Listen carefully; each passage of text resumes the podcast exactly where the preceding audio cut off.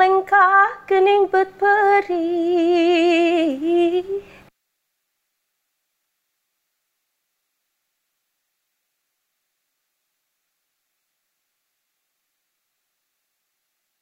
Gofar Hilman Disokein, balik lagi di Gobam, ngobrol bareng musisi dan kali ini bersama penyanyi perempuan In The Sky, In The Sky, In The Sky, In The Sky, In The Sky, ada Yura Yunita.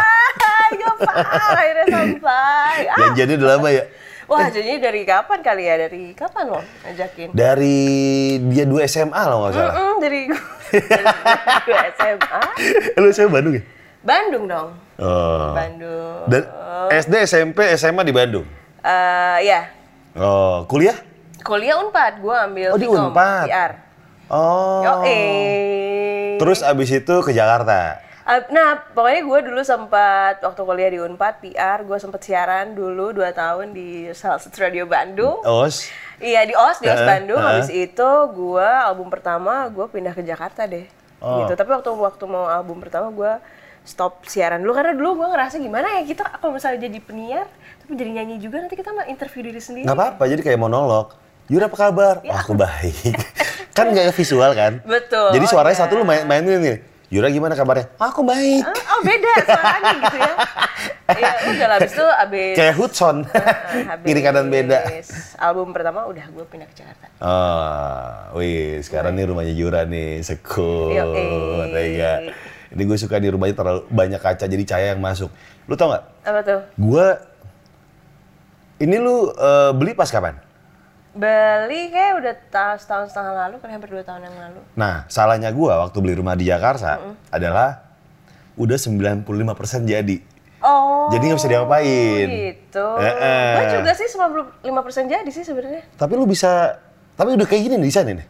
Enggak, sama gue nanti ditambahin lagi belakangnya yang asalnya nggak ada dapur di situ. Terus Oh. gue luasin ke sebelah sana. Terus gue gue emang suka banget dengan pencahayaan alami. Uh-uh. Apalagi kalau siang-siang kan kalau sekarang Uh-uh. udah agak sore kan. Kalau Iya. saya bangun tidur tuh aku suka banget kalau terbangun karena cahaya matahari di pagi hari Iya. gitu. Jadi emang nyarinya yang emang Alami. sirkulasi dan ventilasinya banyak. Nah, itu salahnya gue tuh. Gue tuh minim yang namanya cahaya-cahaya. Oh, karena Iya. menurut gue tuh gue bisa jadi tenang kalau misalnya ada cahaya matahari tuh kayak bikin gue tenang, relax gitu. Terus kayak banyak tanaman di depan Oh, gitu. benar. Makanya gue suka banget kehijauan Iya. gitu. Yang bikin relax tuh emang kayak sinar matahari, terus tanaman-tanaman dan job manggung yang banyak. Oh, ya. Itu kayak bikin, karena- bikin relax kayak, iya sih, kayak enak gitu ya. Iya. Aduh kayak tenang Oh, gitu, hati aja, gitu kan. Happy, ngejalanin apa yang kita suka, Ya kan gitu cuma kan. seder- sesederhana itu lah. Betul. Iya. Apa lagi sih yang dicari gitu kan? Ada yang bilang nih Yura ini adalah ratu pensi Bandung. Masa sih? Bener gak? Ah, gue gue baru dengar dari lo malah Iya. Ratu Tapi- Pensi Bandung. Tapi cukup sering juga sih gue perform di acara anak SMA. Kemarin pensi kita acara SMA 20 Bandung. Oh iya, malu juga Iya. ya di situ. Ketemu di situ. Terus semalam juga gue gue baru perform di pensi juga. Di Bandung? Iya. Oh. Terus yang gue senang tuh energi pensi itu selalu wah selalu Iya, men. meledak-ledak gitu anak-anaknya. Terus Disuruh teriak mau. iya, terus seru. Ah, Terus gitu. mereka tuh suka suka ada improvisasi-improvisasi yang gue nggak sangka gitu. Kayak gimana? Kayak tadi gimana? malam gue nyanyi lagu harus bahagia gitu kan. Gue suka main perkusi gitu di di bagian interlude lagu harus bahagia. Iya. gitu kan. Eh. Terus kayak wah yang nonton tuh mayoritas kayaknya 70% cowok gitu. Jadi kayak Oh. wah gitu berapi-api dengan suaranya yang Eh. sangat maco. Di saat gue main perkusi mereka juga kan kayak wah, wah, wah, wah, wah, gitu. Oh, gitu? Ikut. Lalu salah, jadi sepanjang lagu harus bahagia mereka Sahur.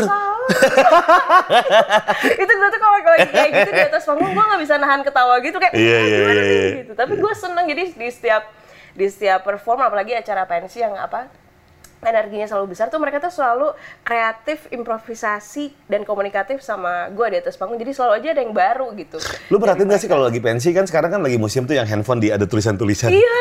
Lu perhatiin gak sih? Soalnya lucu-lucu banget iya, kan? lucu-lucu banget. Iya. Terus ada yang kayak Yura, aku cari jodoh gitu. Terus, eh, apalagi ya, macam-macam sih. Dan mereka tuh kadang sadar nggak sadar, kita tuh sebenarnya sangat bisa melihat ekspresi mereka dari dari, atas panggung. kan. Hmm. Jadi si handphone-handphone itu kelihatan banget dari gua. Dan kalau misalnya Pesen-pesen. lu ngerasa gak sih ketika lu bales tatapannya dia tuh kayak ya, iya, yang asalnya kayak pas gue liatin terus kayak gimana gimana tenang gitu apalagi kalau yang lagi bengong gitu kan kalau misalnya lagi lagu lagu mellow kan kayak nelangsa gitu ya mungkin Iya. kenapa sih sama aku tuh aku tuh selalu menantang uh, mat- uh, tatapan mata Eh. uh, penonton gitu kalau Oh. misalnya ada yang kayaknya kok ini anak agak kosong gitu ya kan Kesambet. Ini kesambet nih orang. Kayaknya agak, agak kosong gitu Iya. ya nyanyi tapi kok kayak ke mana nih gitu kayak pikirannya lagi melayang mau Iya. apa mm, entah jadi inget sama seseorang atau gimana Iya. sama gue suka sengaja gue liatin yang lama gue liatin sampai akhirnya dia sampai dia salting sendiri gitu kayak eh gimana mau senyum nggak mau jadi jadi bingung lihat ke mana mau main handphone. Padahal lagi pensi. gue seneng banget sih nggak apa nggak apa merhatiin mata gue gue liatin gitu bisa sampai kayak eh, 30 detik gue nggak ke mana-mana matanya ke mata si anak itu sampai akhirnya dia nyawanya Iya. hadir kembali ke nyawa Iya. dia dia sendiri gitu Tapi itu kan emang as, dari segi MC, dari segi musisi ya performer lah ya kalau- Iya. kalau dibilang di di di panggung gitu ketika ada teriakan seperti itu kan emang ibarat kata menambah energi Wah, kita tuh berkali-kali banget, banget. Banget, banget, banget. Nah, itu kalau misalnya yang rame, pernah nggak yang sepi banget? Sepi banget. Sepi banget gitu. Sepi. Sampai yang nonton kru panggung. Wah. Gue pernah yuk. Apa sih? Gue pernah. pernah emang? Gue pernah sama Andira dulu, oh, partner siaran gue yang sore. Oh iya iya iya iya iya iya. iya. Bang, uh, eh, MC, mm -mm. acara kopi, mm -mm. ya gak? Kopinya dari Malaysia mm -mm. gitulah. Dan tiga, jam tiga sore jam tiga sore, Oh, ya udah kayak hawa-hawa ngantuk enggak Iya, ya gitu jam ya, tiga gitu. gitu.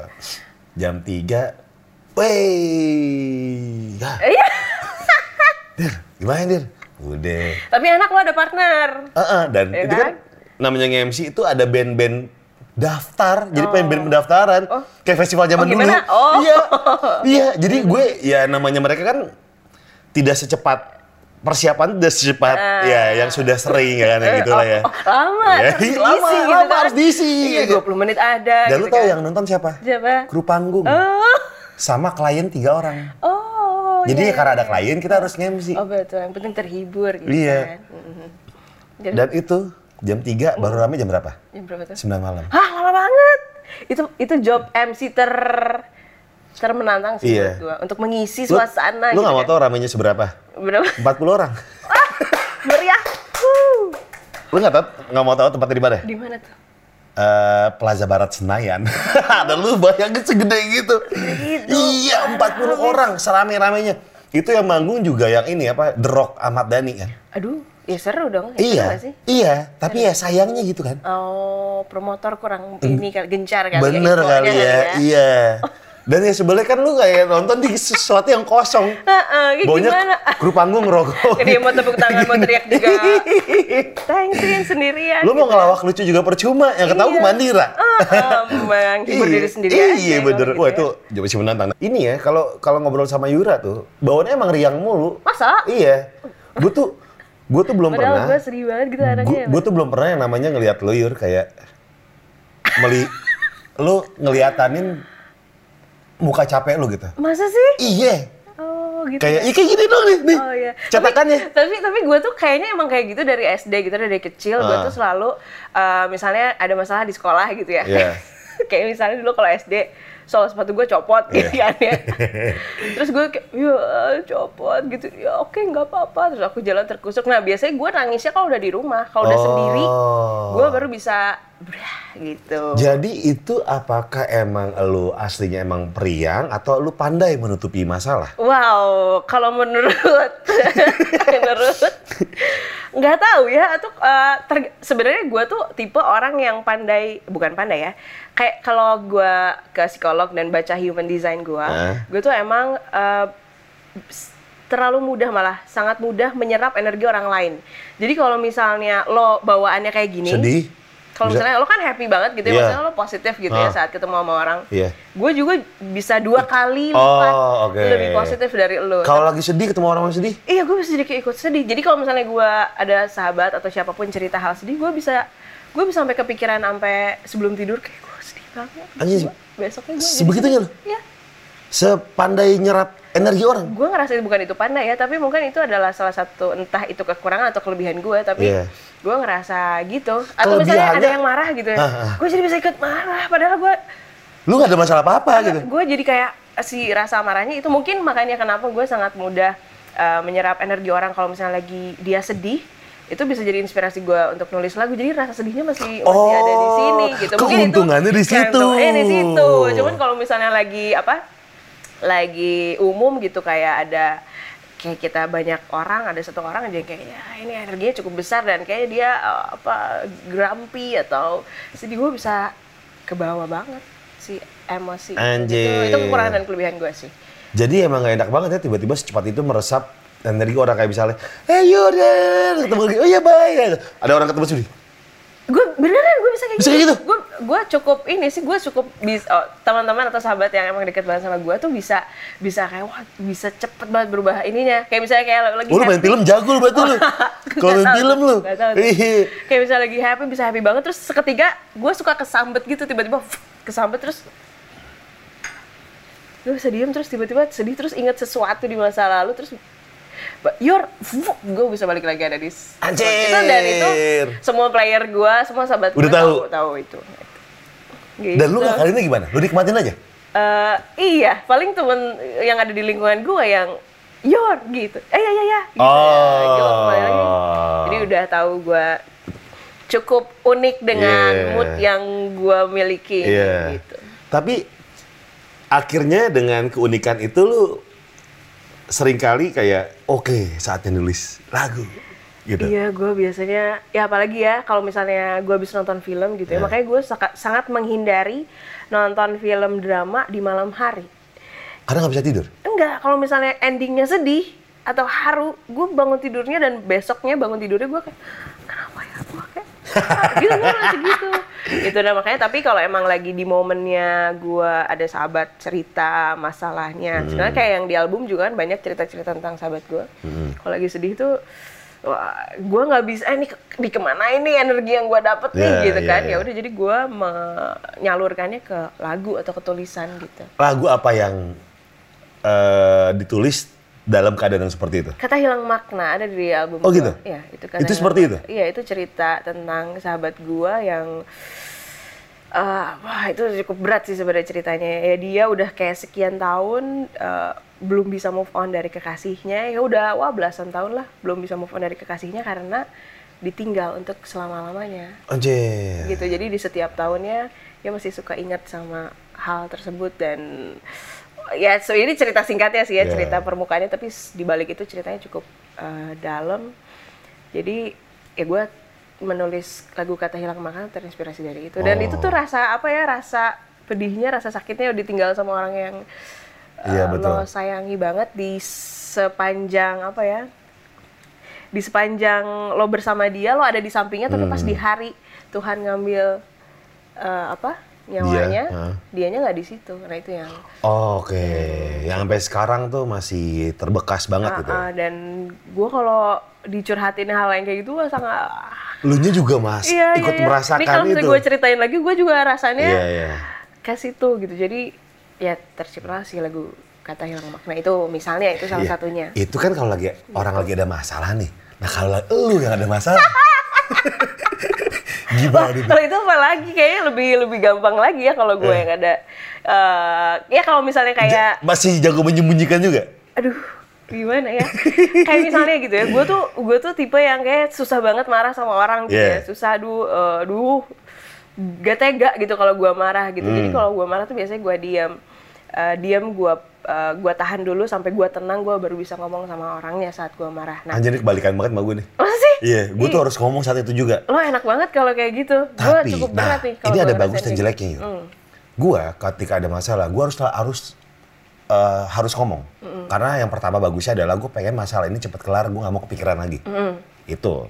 Jeleknya adalah yang keluar dari keadaannya lagi emosi, pasti kata-kata ajaib. oh iya ya kan?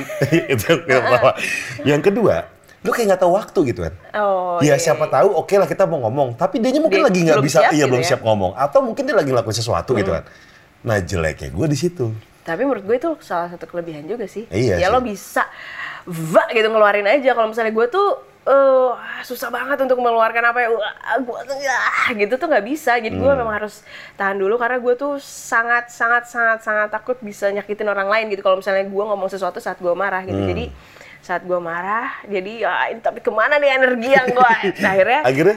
Kayak ke lagu Oh. apa itu loh itu sebenarnya Oh, lagu takkan lagi apa lagu marah. marah banget ya gue tuh itu, Itu, tapi itu itu apa tuh eh, yang melatar belakangi marah kenapa? Ada? Aduh marah Sama banget sama sama seseorang yang Nah. sebenarnya ternyata eh, dia nggak baik lah untuk kehidupan kita. Wah, mau- mau gue ya? Eh, oh bukan, ya, sekali gue gitu. Ternyata, eh, iya pokoknya di lagu itu ya sebenarnya perempuan tuh harus bisa ngambil keputusan yang terbaik untuk diri dia sendiri gitu kan. Oke. Di di momen itu gue ngerasa marah banget saat ada sahabat gue itu eh, di kampus punya pacar, tapi pacarnya tuh kasar banget sama si cewek ini tuh Hmm. kasar. Abusive? Iya kayak sampai uh Anjir. biru-biru apa segala macam gitu. Tapi ya di si cewek ini tuh kayak ah, ya nggak apa-apa gue aku nggak bisa hidup tanpa dia gitu ini, kan. Nah ini nih, ini mumpung lagi diobrolin nih. Eh. Ini ini gue sering kali ketemu sama orang yang seperti ini. Masa ya? Iya.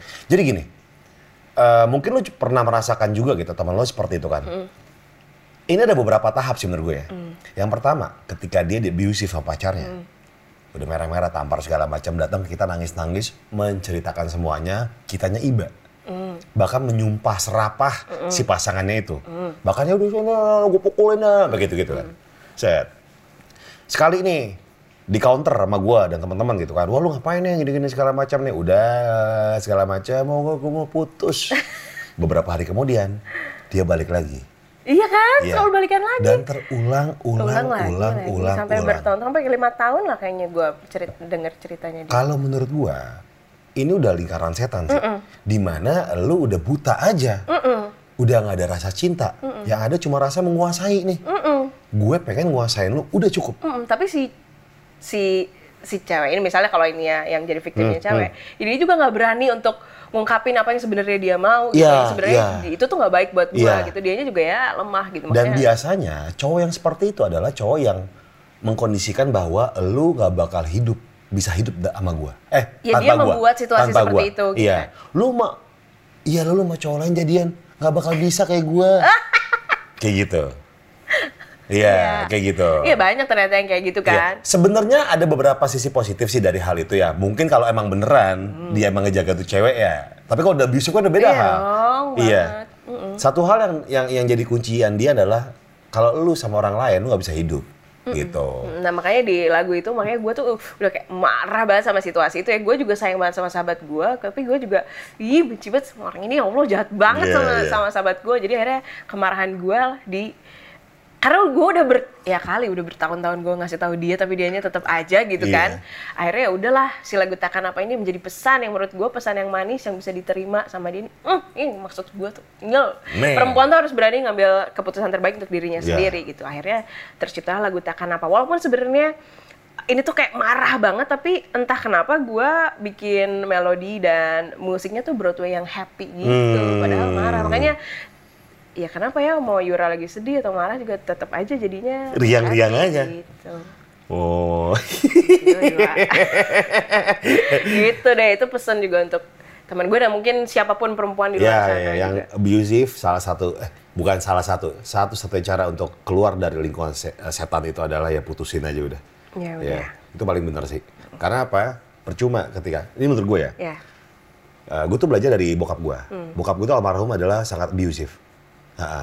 Jadi gue sampai ada kepikiran kayak gue nggak mau kayak bokap Hmm. gitu. Jadi sampai gue berantem sama pacar gue, mantan gue segala macam. Iya, nggak boleh, nggak ada, itu nggak ada, nggak ada. Gue nggak mau seperti itu, karena gue nggak mau seperti kayak almarhum kan. Jadi kayak itulah yang melatar belakangi gue kayak sesebelnya orang sama pasangan gue, seorang yang gue cinta gitu kan. Nggak mau gue main tangan. Karena gue percaya sekalinya dia main tangan Akan terus. terulang Iya, iya, iya, gue percaya lagi itu, Lu mau janji-janji iya, kayak iya, gue, iya, iya. gue nggak Iya bakal, iya gue banget. bakal gitu-gitu. Gue itu, itu kayak udah bawaan eh, dari ini kan iya, iya. akan terus begitu terus begitu gitu. Karena dia merasa kayak menjadi berkuasa ketika udah main Iya. tangan. Uh, gue punya power yang lebih daripada lu gitu betul betul betul betul Aduh, buat teman-teman di sana ya, ingat itu. Tapi serunya adalah apa pun lirik dari Yura, maupun itu sedih, maupun itu lagi marah, jatuhnya udah riang aja udah. Iya. Apakah untuk- memang lu konsepin seperti itu, Yur? enggak juga ya? Mungkin ini, mungkin ini kalau misalnya gua akhirnya juga ke apa? coba mendalami lagi diri gue sendiri, mungkin gue terlahir memang menjadi seorang Gemini yang Hmm. moodnya kalau lagi happy bisa happy banget, kalau lagi sedih bisa sedih banget. Jadi gue jarang banget ada di tengah-tengah gitu, Far. Oh. Jarang banget gue jadi kalau ya kayaknya jadi karya-karya yang tercipta dari gue juga sangat me- apa menggambarkan personality gue. Jadi emang kalau lagi happy, happy banget, kalau lagi sedih dadas, sedadas itu. Tapi, tapi lu ini gak sih zodiak zodiak banget ya sih? Iya lumayan lah. Kayak misalnya lagi deket cewek, anjing Gemini sama Taurus gimana ya? Aduh Gemini sama Leo enggak deh. Kayak gitu gak sih? Apa kayak gitu gak sih? Bukan hanya pasangan sih, tapi kayak misalnya partner kerja gitu. Apa- Apalagi apa- oh iya, sampai Iya, partner kerja. Iyalah, kayak gue butuh tahu ini sebenarnya mungkin kenapa apa? dia eh, misalnya nyebelin banget kayak gini atau kenapa behavior behavior dia kayak gini ya gue sekarang tuh ada aplikasinya tahu the pattern lo Oh, The download Pattern. nggak? Nggak, nggak. itu tuh kayak 99,9 persen Bener? bener gila the pattern itu kita jadi kayak bisa temenan gitu sama sama dia tapi zodiak itu jadi kita masukin tanggal lahirnya dia berapa jadi mood dia hari ini gimana ya sebenarnya hubungan dia sama dia gimana iya? iya gue sih download jadi per pertemanan gue nih bersama musisi-musisi ada kita tuh kayak ada grup gitu anak-anak bintaro Namanya The Zodiac? Bukan. Oh bukan.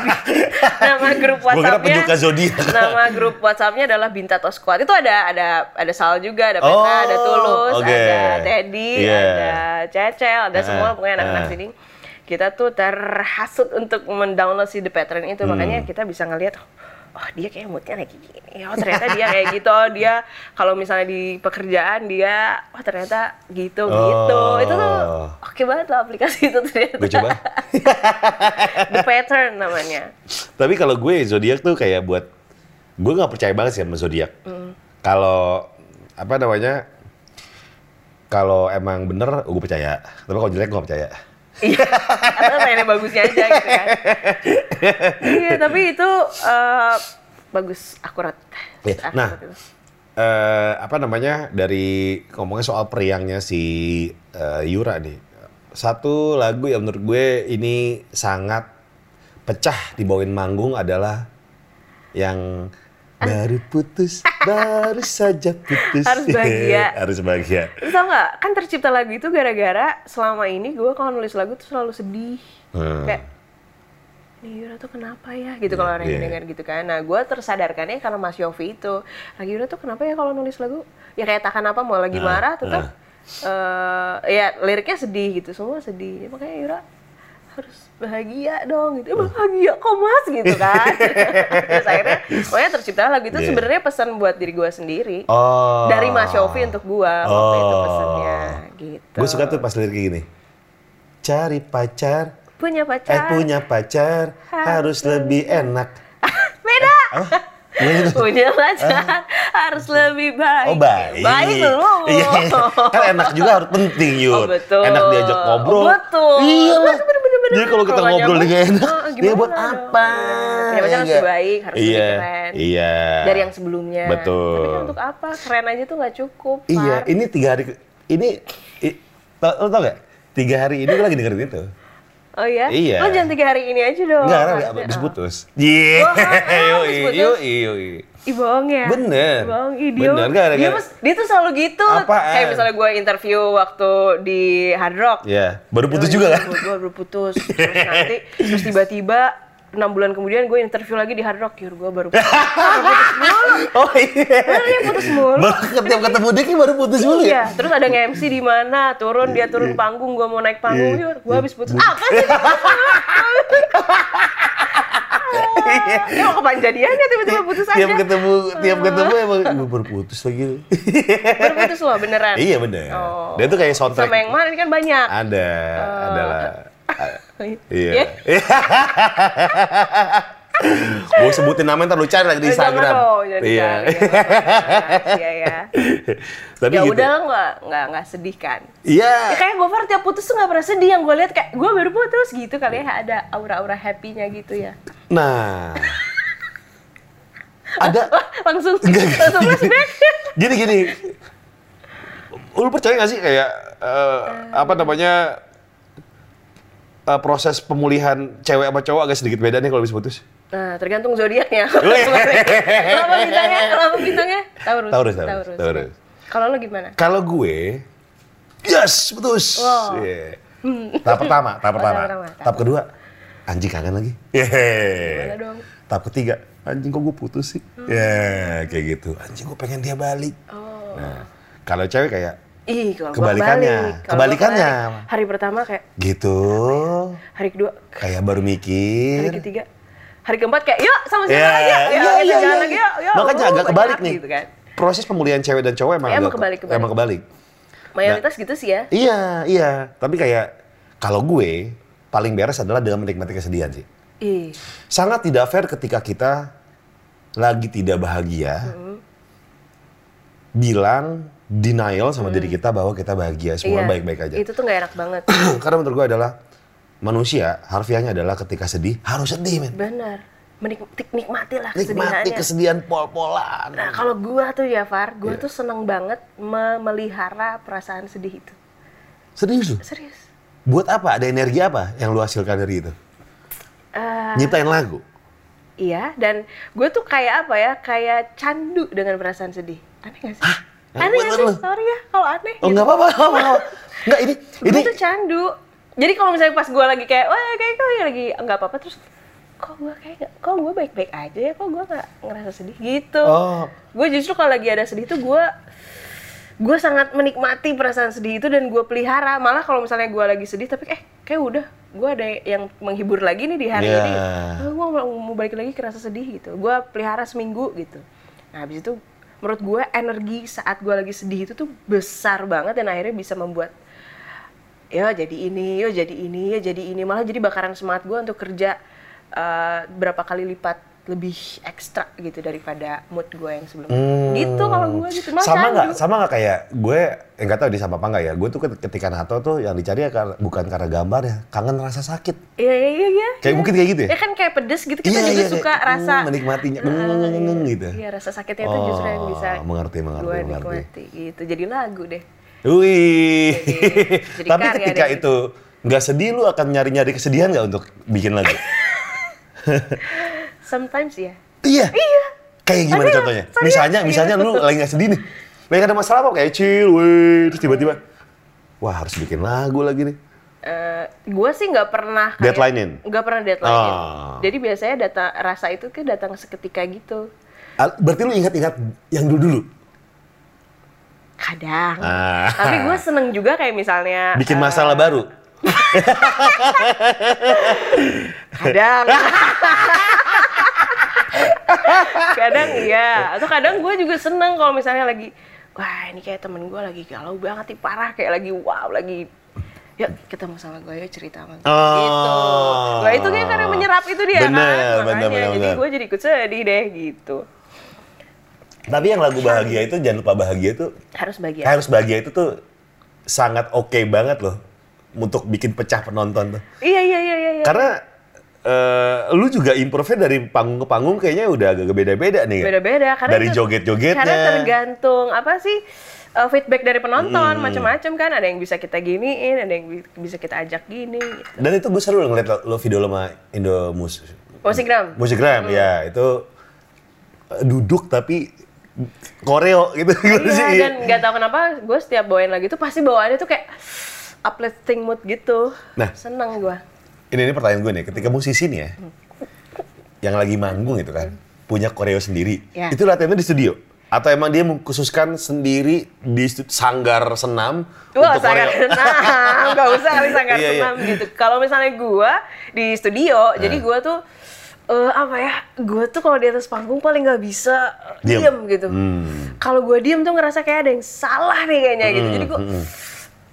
energi gue terlalu besar kalau misalnya dia tuh harus ngapain gitu jadi gue tuh sampai kalau misalnya player gue diem gue lo jangan diem ya ya ya ya ya gitu, sampai akhirnya gue ajakin semua player gue untuk Joget. Again. Oh. Jadi akhirnya, akhirnya uh, gue pun kalau cari player, uh, session player untuk perform, yang gua bisa ngedance? bukan hanya jago mainnya, tapi gue lihat personalitinya. Oh. Gue lihat personalitinya yang uh, bukan hanya seru di atas panggung, tapi juga seru di belakang panggung. Karena itu kan akan ngaruh sama mood kita di atas Betul. di atas panggung kan.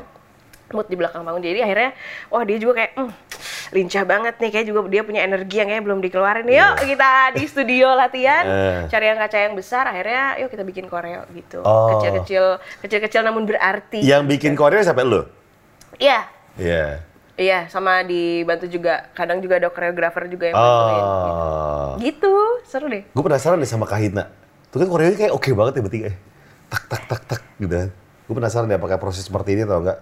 Gue Iya. rasa Kang Hedi dia yang nyiptain koreo. Terus karena si player-player gue juga emang kayak yang hobinya joget juga gitu ya kalau dengerin musik wah asik tuh kayak wah. Cuman kan cuman kan ka- ka- karena belum diarahin aja gerakannya jadi masih gerakan bebas gitu jadi kalau kita bikin koreonya rasanya Lebih enak. Iya. seru. sampai ada juga di salah satu lagu kalau gua perform memang dibikin sesi khusus interlude khusus mereka ngedance gitu ke atas panggung gitu, Oh. ke depan gitu Nah, itu eh, apa namanya? Lu kayak ini gak sih kayak mencari mencari cara untuk menghidupkan panggung ya. Gue penasaran sih sama masing-masing musisi kan punya trik and tips sendiri ya. Kalau misalnya yang di gala dinner tadi gimana, yang di festival gila ratusan ribu orang gimana gitu kan.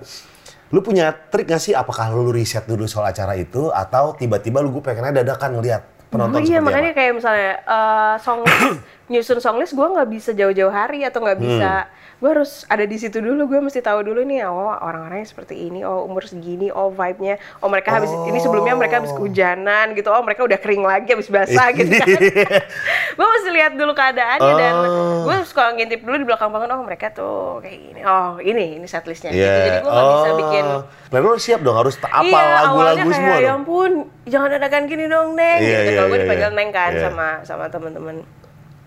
Ya nggak bisa, gue harus tetap nggak apa bisa tiba-tiba di atas panggung ganti ngiri nggak bisa lagu ini kita ganti gitu Oh, bisa tiba-tiba gitu nih. Oh, jam. Bengawan Solo. sama Solo, gitu ya. Siap-siap, Neng Ira gitu. iya iya Oh, iya iya gitu Bagus harus banget. ngelihat sikon Sikon. Oh. Karena lo juga gitu kan nge-MC kan? Iya sih, Lo kayak pasti. misalnya mau ngasih jokes apa segala macam kan Yang nggak lihat lah tiba-tiba mempersiapkan jokes yang dewasa-dewasa gitu kan. Eh, bocah-bocah SMP ya nggak mungkin. Iya, ya meskipun suka kelepasan. Alah, banget. Selalu kan kalau lo. Nah, ta- tadi gue kan ini apa namanya sebelum ke sini kan denger dengerin lagu lu tuh. Hmm. Kayak satu hal Yura itu punya suara menurut gue tuh udah wah ini Yura gitu. Oh, gitu lu ya? punya ciri yang menurut gue tuh sangat-sangat otentik. Oh, Wih. oh, oh. Iya.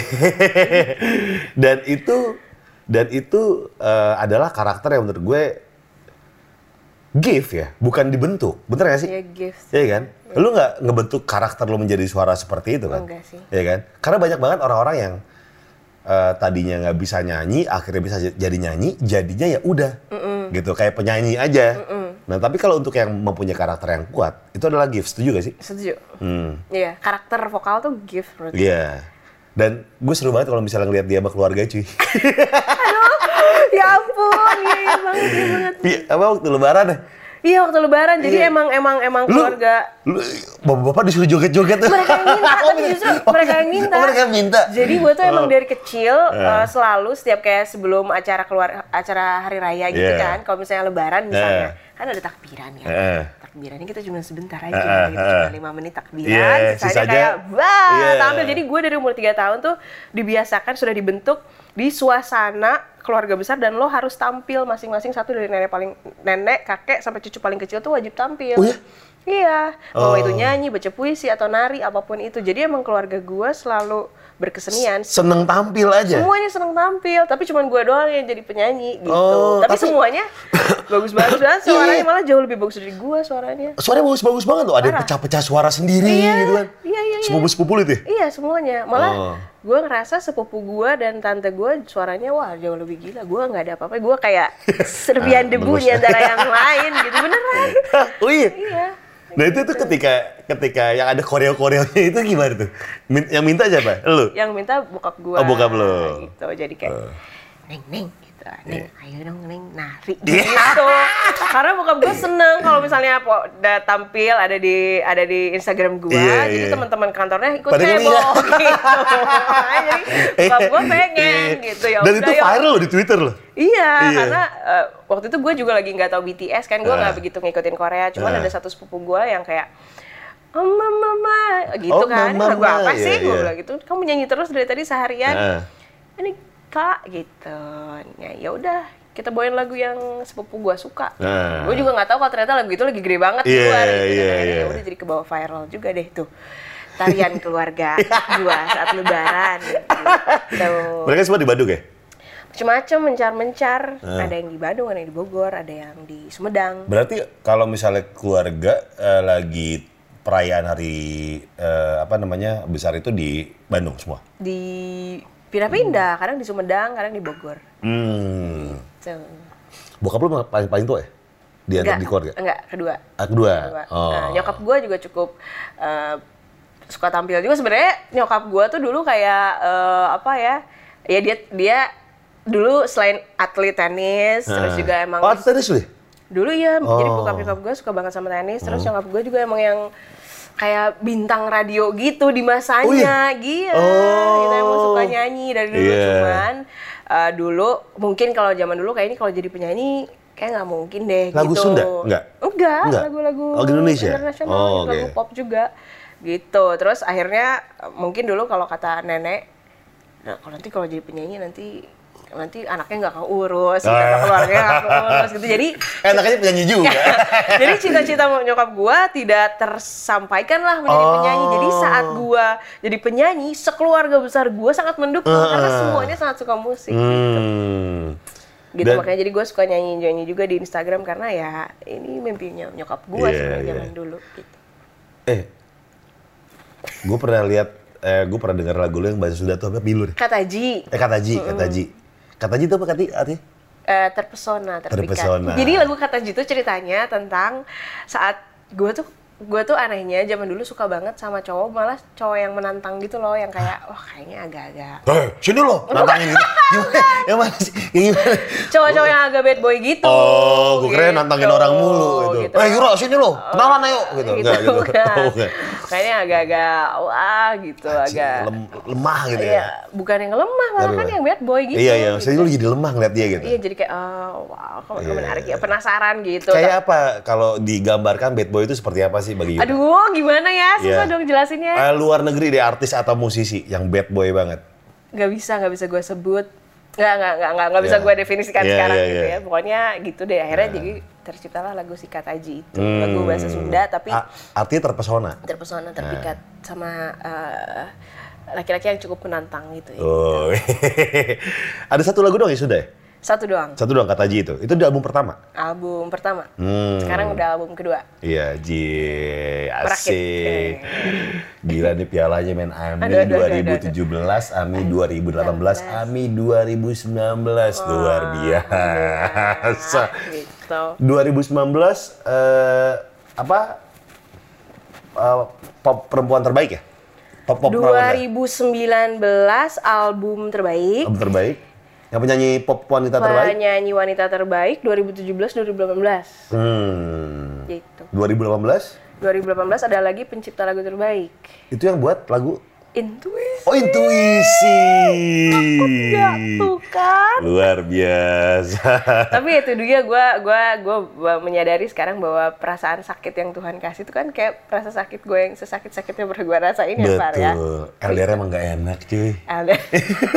jadi dulu zaman zamannya gue intuisi tuh zaman Gofar juga lagi LDR. LDR. Jadi kita lagi sama-sama di masa-masa Iya. gitu kan. Akhirnya ya udah perasaan sakit itu ternyata enaknya kalau jadi pencipta lagu bisa jadi hmm, bisa jadi Betul. lu, lu, lu gini gak sih? Gitu. Mamam loh yang lu, lu perbuat sama gue. Gue menang lagu yang tentang lo. Gue jadi menang. Pernah gak sih lu kayak gitu? Ada kayak, kayak gitu gak sih? Eh, sebenarnya- Ada, ada rasa-rasa jumawa gitu gak sih? Kayak mamam nih lo yang udah dengerin gue. Gitu. lebih lebih ke bukan ke dianya sih ya. Ah, kalau gue tapi- kalau ke mama nih ke gue sendiri yang Oh, sedih karena itu kan gak ah. tega ya gue kalau Iya. sama gue gak tega kalau mampus lo gitu kan nggak nggak nggak nggak Hmm. ke situ sih lebih kayak oh ya mam mam mamam nih Yura yang zaman Yeah. dulu sedih ternyata ya kesedihan itu akan berdampak sesuatu. hal yang baik di masa depan gitu Oh. gitu kan Menurut Yura yang paling baik ketika lagi sedih, prosesnya itu seperti apa sih Yur? aduh Biar biar biar nggak salah nih ya. Karena banyak banget nih, banyak banget nih yang labil-labil di luar sana yang nggak tahu mau ngapain. Bentar gitu. dulu nih, sebelum gua ya. Ya. Kan kita sama nih, Hmm. hampir sama nih ceritanya Hmm, nih hmm, waktu hmm, itu kan. hmm. Kalau lo gimana pas lagi sedih-sedih? Lo sedih kan waktu itu pas lagi? Sedih, Hmm. sedih banget. Pas Lu berapa, itu. berapa lama sih? Gue tiga tahun. Ya Lu? sekitar segitu. Ya, ya mirip-mirip nih ya. LDR dan tiga tahun gitu kan. Pertama, wah gue trust issue cuy. Oh. Wuh. Sama siapa pun. Ih, Sama tapi gue siapa pun. juga, gue juga, gue juga, gue juga. Eh. Terus, terus, terus. Bahkan eh, ketika ada orang yang deket, gue selalu berprasangka buruk. Iya. Heeh, kayak ah ini nggak bakal bisa. nih. Iya. Kemarin nih, gitu Udahlah, ya. nggak usah serius-serius Ah, gitu iya, kan. Iya kayak gitu-gitu. Terus merasa overthinking Iya, banget. Iya, iya, iya. Sangat-sangat overthinking Bener, gitu. bener, bener, bener. Wah nih gimana ya? Lu kayak punya background yang ternyata lu habis sakit, terus tiba-tiba lu udah punya trust issue, overthinking pula. Uh, mau pecah malah lu. Iya. Iya. Tapi prosesnya adalah kalau gue yang pertama adalah menikmati kesedihan banget sih. Nikmatin tadi seperti gue tadi gue bilang ya. Abis itu kayak untuk eh, nyenengin diri gue sendiri adalah kayak eh, melakukan sesuatu yang tidak bisa gue lakukan ketika lagi bersama dia. Gitu. Oh, yang seperti Eh, misalnya. misalnya itu. Enggak. Gue, gue, gue, gue tuh kalau bikin-bikin konten kan emang agak semaunya gue kan ya. Di Instagram, di Youtube, apalah itu kan. Nah, gue kan selalu berkompromi nih. Ketika gue pacaran sama siapa gitu kan. Gue berkompromi nih, oke. Menjaga gitu kan. Dengan tidak menghilangkan karakter gue, tapi yang enak buat lu juga gitu kan. Pas udah gue bikin pol-polan. akhirnya itu kayak gitu. pelampiasannya lu. Betul, tapi untungnya sih gue selalu bilang kayak ke arah yang negatif sih enggak ya. Enggak ya? Enggak, Man. Karena gini sih, kalau mabok, kita ngomongin mabok ya. Abis putus mabok, men tuh nggak enak. Oh, iya. Mabok itu harus seneng. Oh gitu. Nggak boleh lagi dalam keadaan sedih. Kenapa emang afternya gimana? Kondeannya parah. Kalau kalau lagi seneng, konde gitu ya, iya, kalau lagi- ya? Kalau lagi seneng nggak, kalau lagi seneng tuh kayak, wah enak gitu enak bang. gitu Meskipun berkonde tapi enak Oh, gitu. gitu. Tapi ketika lu Oh, kondenya kok jadi tambah banyak masalah kita gitu kali ya? Bener, lu Oh. bangun kondean segala macem, masalah itu masih ada, lu kayak enggak sih. Enggak, enggak, enggak. Tolong, tolong. Jangan, jangan, jangan, jangan. Jadi kalau misalnya lagi sedih, Eh. jangan mabok. Ya. Tipsi aja. Oh.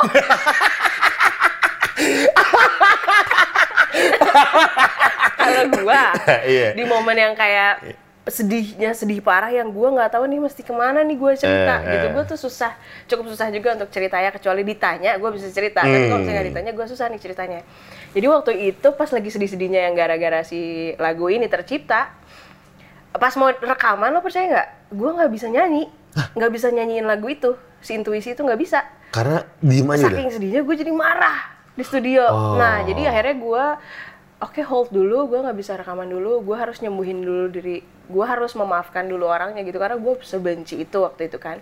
Akhirnya gue hipnoterapi. Oh. Jadi lagu intuisi itu bisa ter- terjadi dan bisa terekam setelah gue hipnoterapi. Hipnoterapi itu apa sih? Hipnoterapi itu Dibakar kita- tisu ya? Eh wah. Kayak kayak uya kuya. Di, di mall PGC, PGC. Itu ya, di jadi saya selingkuhin dia dua kali. Enggak, enggak?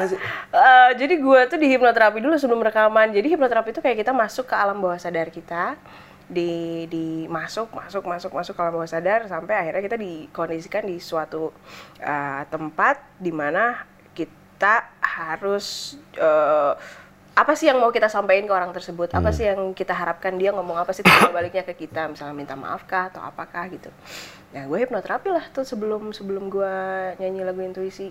Eh, hipnoterapinya adalah supaya gue bisa memaafkan orang tersebut karena gue setelah itu kayak nggak nggak ketemu lagi gue sebenci itu waktu itu Jadi gitu. emang maafin orang tuh emang sesuatu yang gampang diucapkan, Iya. tapi susah dilakukan. Ya, karena nggak ketemu sama orangnya Betul, gitu langsung kan, gitu. Harusnya lo ngomong dong gitu, Hmm. maafkan. Cuman akhirnya gue hipnoterapi, gue eh, maafin dulu. Jadi akhirnya si lagunya bukan kemarahan. Jadi sebelum gue hipnoterapi itu kan jadi gue nyanyinya jadi marah gitu kan. Hmm. Eh, Selesaiku selalu mengenal kepadamu. gitu. Akhirnya setelah hipnoterapi itu akhirnya jadi gue bisa ngeluarin si suara Hmm. itu akhirnya menjadi sebuah lagu. Itu prosesnya diapain sih hipnoterapi? Di, Hipnoterapi tuh kayak kita tidur, relax gitu. Ada yang mandu kita juga kan si apa psikolognya mandu kita untuk uh, masuk alam bawah sadar, masuk, masuk, masuk, masuk, masuk. Bayangkan ini Lala, itulah akhirnya kita dikondisikan dipertemukan oleh orang yang kita harapkan untuk bisa uh, nyelesain masalahnya di situ. Hmm. Sebenarnya kan kayak self healing juga untuk diri kita sendiri kan. Iya, iya, iya, iya. Gitu. Gue udah beberapa kali juga sih ikut hipnoterapi ini. Selain untuk lagu juga Iya. untuk eh, yang lain juga gitu. Misalnya kayak apa tuh ya? Aduh, gue cukup cukup sulit sebenarnya menceritakan ini ya, Far Iya. ya. Eh, jadi Pertemanan atau keluarga? ke Atau ada buat pekerjaan? semuanya sih. Semuanya? Oh. Jadi ternyata kan memang eh, selama ini kita di hidup tuh ada kayak cycle kenapa ya kita kalau ngadepin masalah tuh pasti ini lagi, pasti ini lagi, ini pasti ini lagi gitu ya. Hal yang sama dan akhirnya gua hipnoterapi sebenarnya akar masalah kalau misalnya gua kayak gini tuh kenapa sih gitu. Hmm. Sampai akhirnya ternyata hal kayak gini tuh ngaruh bukan hanya di kehidupan, bukan hanya bukan hanya di permasalahan sehari-hari yang kita hadapi, ternyata juga termasuk cara bernyanyi. Jadi misalnya selama ini gue tuh nggak bisa nyanyi kalau misalnya apa eh suaranya keluar semua itu nggak bisa. Jadi gue selalu pakai falset gitu. Kayak nggak bisa. Hmm, nggak power gitu Iya, ya? nggak, iya nggak bisa ngebentak orang. Iya, iya, iya. Terus atau misalnya ada suara gebrakan dikit gue langsung kayak, langsung gitu gitu. Iya dan banyak hal lainnya. Nah waktu itu gue sempat hipnoterapi eh, masuk ke alam bawah sadar dan akhirnya gue masuk ke momen di saat gue umur lima tahun waktu itu. Anjir, yang mana lah? Iya jadi hipnoterapi itu kayak eh, apa ya eh, healing di umur gua saat gua kena ma- trauma masa kecil Hmm. sama ngobrol sama gue yang di umur 25 tahun saat itu saat lagi ada sesuatu lah. Hmm. Lu inget gak apa yang lo obrolin? Ingat jadi gua entah kenapa gua udah lupa sebenarnya kejadian ini. Gue udah lupa banget sebenarnya apa ya akar akar masalah kita itu kebanyakan akar akar masalah kita tuh ada di umur umur saat kita TK waktu di masa kecil si trauma itu. Jadi itu masalah-masalah yang kita hadapi sekarang tuh nggak akan bisa sembuh kalau akarnya belum selesai gitu kan. Jadi akhirnya masuk hipnoterapi itu untuk ketemu akarnya itu apa sih. Ternyata akarnya gue masuk di umur gue lima tahun dan gue masuk ke ruangan di mana gue masih bisa cium lagi aroma kamar itu gitu. Gue eh, dekorasinya acak-acakannya selimutnya pianonya lampunya gue bisa kembali merasakan. Gue waktu umur lima tahun gue pernah ngalamin kejadian ini ternyata gitu. di saat gue di umur lima tahun gue lagi nyanyi main piano do re mi fa sol la si. Gue dulu bener-bener nggak pernah les nggak pernah apa cuman gue suka ngelihat kakak gue main piano gitu. Jadi gue aduh gue pengen mati kayak kakak gue gitu kan. Terus ya do re mi fa sol la di do re mi fa sol la si. Dong gitu. Tapi gue nggak berteknik gitu tapi yang ter- Yeah. teriak banget Yeah. suara gue dikeluarin semua nih. Nah. nah pas gue lagi nada-nada paling tingginya gue si kakak gue keluar lah dari kamar dari itu ngedobrak pintu gue Oh. ngedobrak ngedobrak berisik gitu Oh. jangan nyanyi lagi gitu berisik gitu suara gue kekencengan di situ Oh. nah ternyata gue nggak sadar hal-hal seperti itu tuh ternyata jadi trauma gue di masa kecil Oh. Nah, jadi kalau nggak itu disembuhin, jadi apa pun yang terjadi di gua sampai nanti makin numpuk, makin numpuk, makin numpuk di alam bawah sadar itu akan jadi masalah terus gitu. Jadi uh, healingnya adalah di situ uh, itu aneh banget sih. Itu kalau yang udah pernah hipnoterapi pasti tahu rasanya kayak apa. Itu cukup ajaib. Jadi gua yang umur 25 tahun bisa ngelihat gua yang lima tahun. Jadi apa ya? visualnya tuh bener-bener uh, wanginya juga ada jadi yang lima tahun menenangkan dan menyembuhkan ya dia di guide sih kak kalimat-kalimatnya yang lima umur lima tahun ngomong ke gue yang lima ini juga uh, apa menenangkan si yang lima tahun bahwa nggak apa-apa kok gitu sebenarnya gitu dan akhirnya uh, ternyata itu tuh kayak jadi cycle yang eh kok ternyata ke situ lagi ya? Jadi pas hipnoterapi ternyata akar masalahnya itu. Terus saat gue waktu itu ikut vokal masterclass di Bali, jadi gue waktu itu ikut vokal masterclass bareng sama uh, pelatih vokalnya Michael Jackson, Stevie Wonder, kemudian namanya Satrix dan Margareta. Jadi gue sempet nanya, uh, itu mak- makanya kenapa ya namanya vokal masterclass tuh ternyata bukan hanya belajar vokal gitu loh Pak, tapi uh, bagaimana kita seorang penyanyi tuh nyanyi tuh kan bukan cuma pakai suara tapi pakai hati, pakai rasa dan semua masa lalu yang ada di belakang kita tuh sangat mempengaruhi bagaimana suara kita bisa tercipta dan rasa itu bisa tercipta. Jadi waktu di kelas itu kan kelasnya kayak cuma 10 orang. Iya. gue nanya uh, gimana ya caranya supaya power vokal gue bisa lebih besar dari sebelumnya karena gue ngerasa kalau tiap mau nyanyi itu gue ngerasa falset. "Uh-uh, uh, kayak gitu gitu. Terus dia cobain tes gue nyanyi.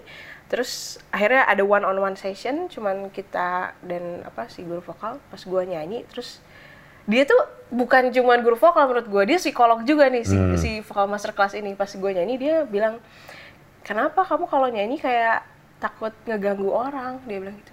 Wah itu langsung dia kayak unlock something di aku yang kayak ini, yang Ini. selama ini gue rasain dan gak pernah gue ceritain sama orang-orang gitu Iya. kan karena gue kayak misalnya nyanyi di rumah gue nggak nggak berani nyanyi di rumah. Gue takut misalnya tetangga keganggu atau siapa keganggu atau siapa keganggu gitu. Gue tuh selalu punya perasaan seperti itu. Tapi ternyata saat gue nyanyi dan kamu nyanyi sangat terlihat kamu takut ngeganggu orang. Katanya gila gue bilang ini cuman dia yang tahu apa yang gue rasain dari kecil sampai sekarang. Iya, gitu nggak pernah iya, gue iya. ceritain. dan akhirnya pas di pas digali sama dia digali wah ini emang bener. Wah ini gila sih emang orang si si guru ini. Ternyata uh, uh, diulik ulik ulik ulik ya ternyata kenapa nggak kayak nggak gua nggak bisa uh, reach vo- power vokal dan teknik vokal segala macam karena gua belum ada uh, ada masa lalu trauma masa kecil yang belum diselesain gitu, tadi gitu wah gua nggak nyangka apa ternyata vokal tuh sampai segininya gitu Enggak, iya, gue rasa cuma teknik doang gitu kan. Iya, ternyata Ternyata tuh enggak. ada iya, psikolog dan juga akhirnya ya. gue nyanyi satu lagu judulnya Through the Fire, lagunya Cakakan. Gue milih lagu itu cuman karena lagu itu susah sih, tapi ternyata dia bisa aja ngulik satu lirik yang ini kayak bisa nyambung nih sama masa lalunya Yura gitu. Coba Hmm. coba bayangin, nggak tahu dia taunya gimana, coba bayangin kakak kamu nyanyi di depan kamu. Itu kok kayak nyambung sama hipnoterapi yang gua udah lakukan dua tahun lalu ya sama Yeah. hipnoterapis gua. Jadi kayak oh ternyata akar masalahnya sama mau gua nyanyi mau gua apa mau apa akar masalahnya itu yang itu Ah, yang ah. yang tadi yang gua didobrak Umur lima tahun itu. lima. Terus bayang coba kamu nyanyi lagu ini nyanyi anggap kakak kamu ada di depan kamu gitu. Gua nangis gua Oh iya? nangis segala macam segala macam ya kalau misalnya terus bayang terus dia bilang bayangin kakak kamu senyum kakak kamu mendukung. Eh, sebenarnya kakak gue sangat dukung. Kakak gue suka Iya. musik juga sih cuman momen itu aja sih si akar itu aja Iya, belum iya. selesai. Jadi bayangin eh, kakak kamu nggak akan terganggu dengan suara kamu gitu. Nyanyi tuh gue nggak bisa nyanyi. Gue nggak bisa nyanyi. Gue nangis satu jam setengah ada kali. Hmm. Beres kelas itu gue nangis kayak itu nangis terlama dalam hidup gue Serius deh? serius itu kayak wah itu pantesan kenapa namanya vokal master class jadi pas udah gitu ternyata gue nggak bisa gak, gak bisa nyanyi. Ah, udah gue nangis dia emang me- membiarkan gue menangis selama itu. Setelah itu eh gue ada di lagu itu Through the Fire tuh ada nada tinggi yang nggak pernah bisa gue ambil selama ini. Setelah gue nangis dan gue anggap kakak gue ada di situ dan dia baik-baik aja gitu itu vokal direct apa si apa guru vokal gue sampai nangis pianis gue sampai nangis karena it, that's right Itu dapet dia, itu dapet itu dong. langsung vokal power gue langsung se, bisa sebesar itu. Iya, itu iya. tuh ternyata setelah kita memaafkan dan apa uh, menghadapi dan menerima trauma di masa kecil kita gitu. Ternyata itu sengaruh itu juga sama Anjir, gak kepikiran ya? iya. Dan itu dan itu terjadinya gue kira cuma gue doang yang kayak gitu. Ternyata semua murid uh, vokal master class yang 10 orang itu juga nangis Oh, gitu? iya nangis se wah gila-gilanya gitu empat jam mereka nangis ya nggak berhenti berhenti gitu jadi nangis itu juga bagian dari apa sih Pemulihan. Uh, pemulihan juga Iya, iya, iya. itu jadi kayaknya sih wajib banget sih penyanyi ikutan si vokal master class Iya, men. ya karena nyanyi bukan hanya suara gitu aja tapi ya semua dari sini kan dari dari apa karena kita instrumennya di Hmm, sini di betul. sini di sini di masa lalu kita juga gitu Anjing, baru tahu gua bisa bisa segitunya ya, nggak cuma kayak ngajarin teori atau praktek Iya, iya, sekedar iya, itu iya. doang. Iya, da- dari situlah jadi eh, mungkin eh, kenapa juga ya banyak ya misalnya gua perform gitu banyak juga yang nangis gitu. Jadi ya memang gua eh, saat saat nyanyi tuh ada memori yang emang nggak ingin gua hilangkan semuanya gitu. Jadi ya Hmm. gua deliver di saat gua nyanyi. Mungkin jadi makanya itu kenapa rasanya juga sampai itu kali. Eh, itu kan ada 10 orang tadi. Orang Indonesia semua tuh? Enggak, dari Kanada, dari ada dari dari Singapura, dari Oh. Malaysia, ada dari India. Indonesia cuma doang? Gua sama Ilham Hi-Fi. Oh. Sama Mas Reza Gunawan. Oh, karena Mas. Reza Gunawan juga kan eh, terapis juga Terapis ya. juga, iya, Makanya iya. dia Ikutan. karena dia suka musik juga, dia juga pengen tahu bagaimana eh, musik bisa hi- menghealing Hmm. menghealing seseorang gitu. Oh, Il- Ilham Hi-Fi. Iya. Oh, oke oke oke. Gitu. Nah, ini kan eh, banyak momen-momen yang apa ya mengharukan gitu kan di di musik lu gitu kan. Salah satunya adalah di lagu Merakit. Iya. Nah, gue liat video klip ya. Wah gokil cuy. Wah, iya sih tuh. Ya apalagi yang behind the scene-nya. Wah, itu itu di luar. Satu hal yang gue bikin sedih apa ya? Bu, eh apa haru ya? Ini kan ba- banyak kawan-kawan yang eh, disabilitas yang mendukung kan. Teman apa? Teman tuli ya? Teman tuli. Teman tuli. Satu hal yang bikin gue ngeliat, oh anjing gokil nih adalah ketika si coachnya bahasa isyarat, guru apa ibu Bunda Galuh. Bunda Galuh itu merasakan resonansi dari musiknya. Iya, ya ampun gue juga nggak pernah nyangka selama ini kalau eh eh, ya teman tuli juga bisa menikmati musik dengan cara yang lain gitu Iya. kan. Gue waktu itu Dia Eh. tuh megang dada lu dan di, lu nyanyi, dia megang dia pengen merasakan si musiknya itu. Iya, jadi selama ini eh oh ya waktu kita punya punya ya Bunda Galuh ngerasa lirik lagu Merakit sangat powerful gitu Hmm. mewakili juga untuk teman-teman tuli. Terus boleh nggak ya kita bikin bahasa isyaratnya karena itu adalah mimpi beliau juga pengen Hmm. bisa bikin eh, bahasa isyarat yang bisa dimengerti sama teman-teman tuli karena Hmm. menurut Bunda Galuh bahasa isyarat sehari-hari sama mengisyaratkan sebuah eh, lirik lagu tuh beda, Hmm, Par. Kayak misalnya eh, jatuh gitu kalau misalnya bisindo atau apa misalnya jatuh tuh gini kan Hmm. jatuh tuh macam-macam kalau orang Sunda gitu ada tisoledat, ada kepeleset, ada tersungkur, ada Iya. terjerambak, Iya. ada macam-macam Iya, iya. bahasa jatuh gitu Eh. kan. Sedangkan jatuh dalam eh, lagu lagu lirik lagu kan macam-macam kayak misalnya tak apa terjatuh bangkitlah dan tersenyumlah tak apa terjatuh ini kan tak apa terjatuh dalam sebuah kehidupan jadi nggak bisa nggak nggak jatuh gitu kan beda Iya, gitu iya, jadi iya. emang pendalaman bahasa isyarat dalam sebuah lagu itu panjang prosesnya Oh ibarat kata tuh bahasa yang sehari-hari sama yang eh, baku beda berarti. bukan eh, itu sih lebih ke nggak bisa kata per kata harus Oh, makna maknanya dari kalimat. keseluruhan Oke, gitu oke, kan oke, kayak karang sama mengarang kan Iya, beda gitu betul, kan betul.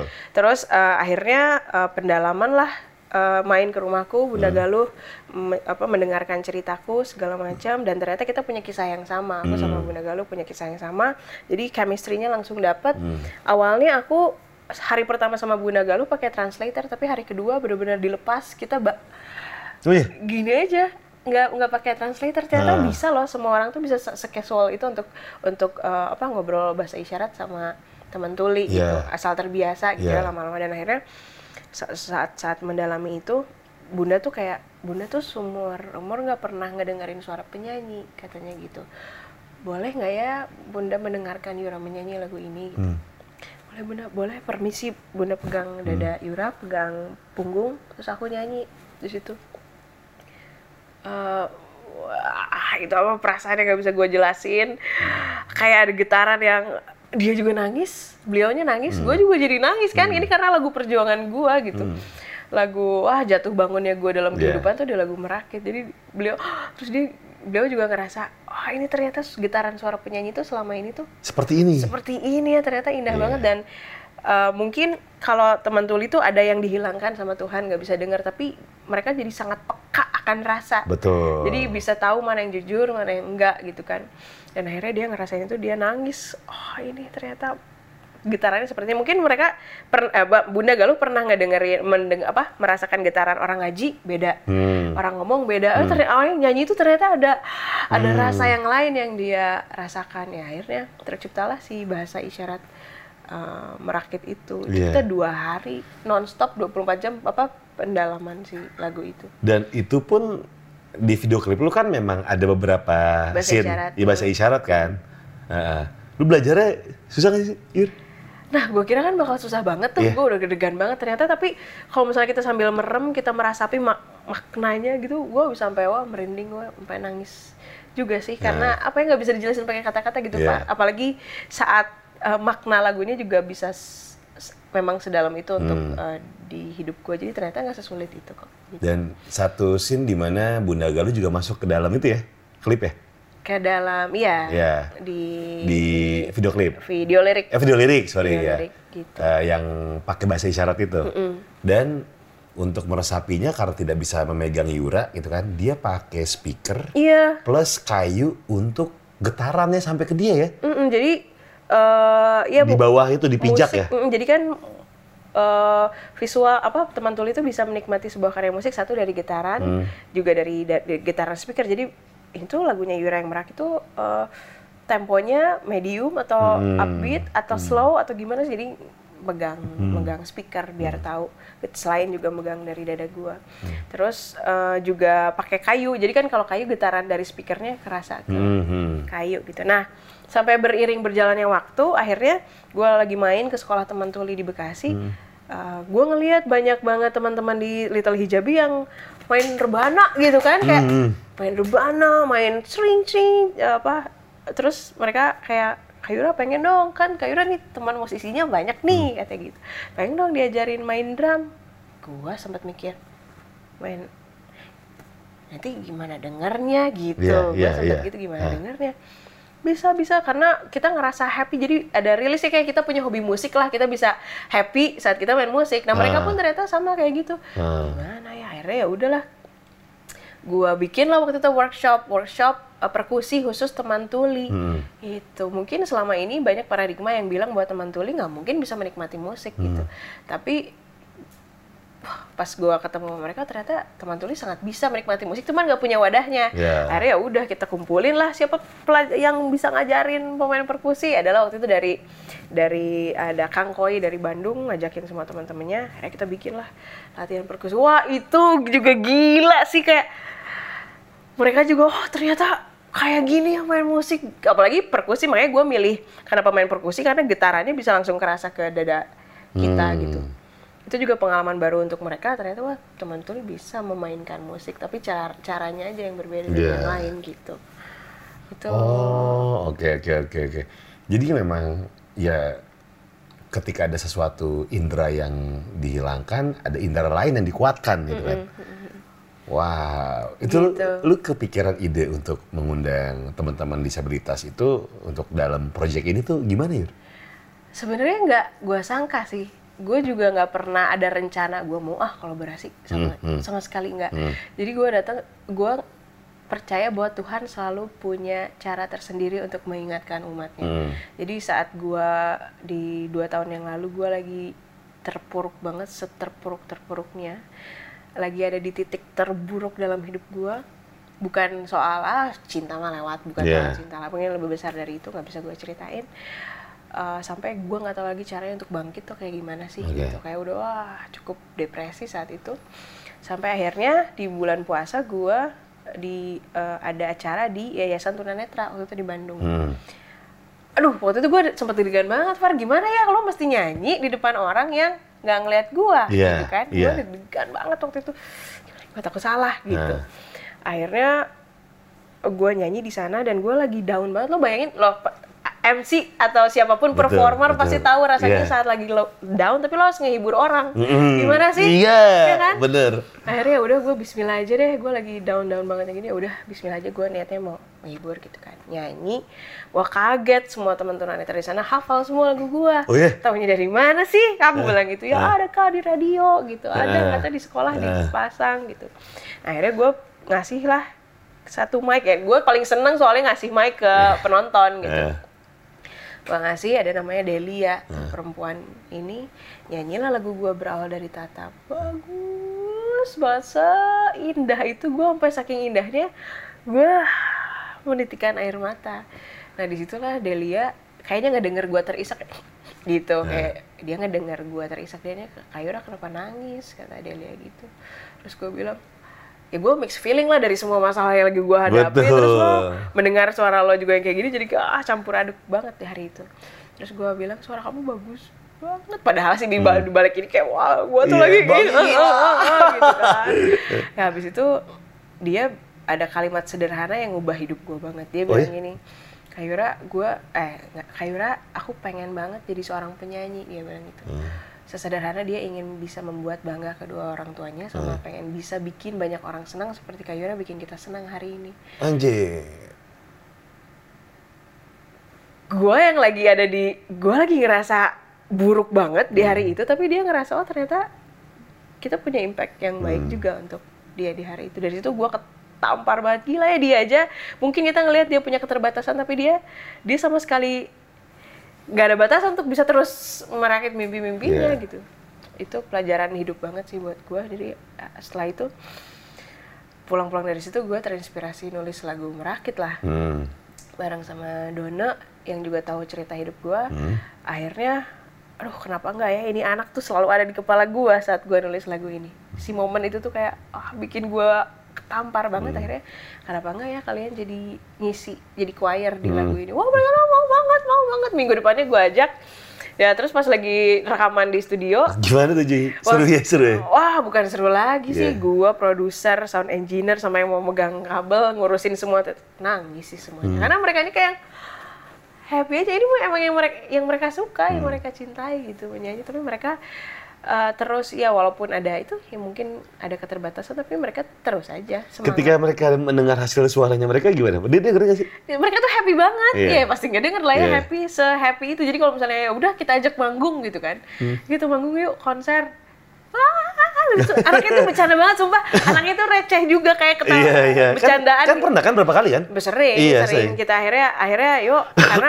mereka punya potensi tapi nggak ada kesempatan jadi Hmm. akhirnya yuk kita manggung manggung ya ya dia di belakang panggung kita pasti wah biar banget sih di Iya. belakang ketawa-ketawa segala macam terus mereka juga eh, sesenang itu dan yang gue senang adalah semenjak ini juga jadi mereka jadwal manggungnya lebih banyak dari gua Oh iya? iya dia bisa manggung setiap hari Oh iya? Iya. Iya senang banget jadi gue kak Yura aku habis ini mau ke Cibubur kak. Aku mau di Depok kak. Wah habis Iya. ini habis ini aku ke mana? Terus mereka tuh naik kereta. Kamu naik apa ke sini? Naik kereta kak.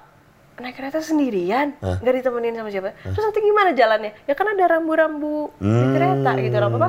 Marka, Marka jalan. yang buat itu ya? wah keren. Gue aja nggak berani naik kereta sendiri. Dia berani untuk perform dia jalan ke mana-mana sendiri. Oh iya? Iya. Terus wah Gokil. itu gokil sih. Terus yang lebih gokil lagi adalah waktu ini ada cerita yang bikin gua apa ya? Ya apa lagi sih gitu yang kita cari di hidup gitu ya.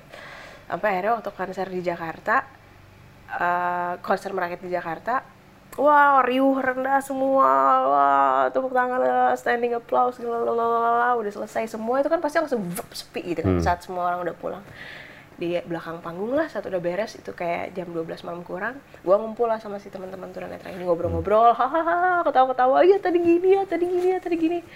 Lalu gua di balai Sarbini kan waktu itu gua konser terus tiba-tiba jam 000 nih kayaknya entah jam sewanya habis apa gimana gitu kan. Lagi di belakang panggung tiba-tiba mati lampu. Eh, kita lagi ketawa-ketawa nih. Brep. berat mati lampu tuh. Terus ya mati lampu aku bilang gitu. Ah. Gelap. Pindah yuk gitu. Ya kak. Kan kita mah sama aja kata dia gitu kan. Oh iya ya tapi ketawa-ketawa. Oh iya ya sama aja ya. Tapi karena mati lampu ya udah kita pindah yuk keluar yuk biar nyaman gue bilang gitu. Ya kita mah sama aja kak katanya. Udah nggak lah, kita pindah. Karena kita nung- nungguin travel mereka untuk ngejemput mereka pulang ke Bandung. Pas lagi kayak gitu ini momen yang nggak gue lupa juga. Ini beres konsernya. Dan itu ada satu anak ini meluk gua nangis banget ya. Teman tunanetra ini nangis. Di gue yang saat yang lain udah keluar nangis. Kenapa nangis? Gue nangis nangis nangis nangis. Aduh kenapa nih? Ada salah apa ya? Gue bilang gitu.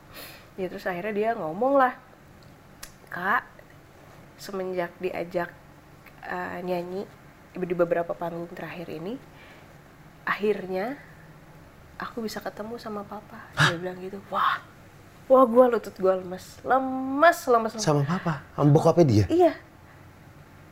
Gue sebentar sebentar. Gimana nih? Gimana nih maksudnya? Gitu tapi dia belum bisa cerita kan? Nangis terus kan? Akhirnya gue nunggu dia tenang dulu. Udah tenang. Iya. Gimana? Aku bilang gitu. Iya akhirnya aku bisa dipeluk papa gitu. Oh seneng ya. Pasti papa bangga sama sama kamu aku bilang gitu. "E, emang ntar dulu, emang terakhir kali ketemu papa kapan waktu dia umur 4 tahun Iya.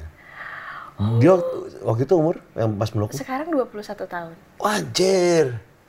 Jadi terakhir ketemu 4 tahun terus gimana? Iya jadi waktu jadi sebelum gua konser gua pernah ngajak dia perform di Java Jazz tahun lalu. Nah, Nah kayaknya media-media tuh meliput. meliput gitu, media-media ngeliput dan lain-lain mungkin juga dari YouTube-nya ngelihat kan dia juga jadi talent di video klip gua di Merakit.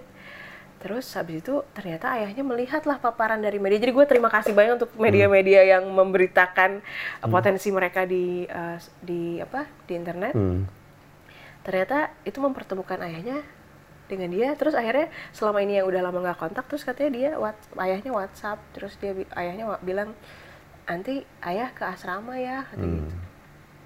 Terus dia nggak pernah tahu bagaimana bentuk Ayahnya. ayahnya suaranya seperti apa. Jadi katanya besokannya setelah yang manggung Java Jazz itu ayahnya datang terus meluk.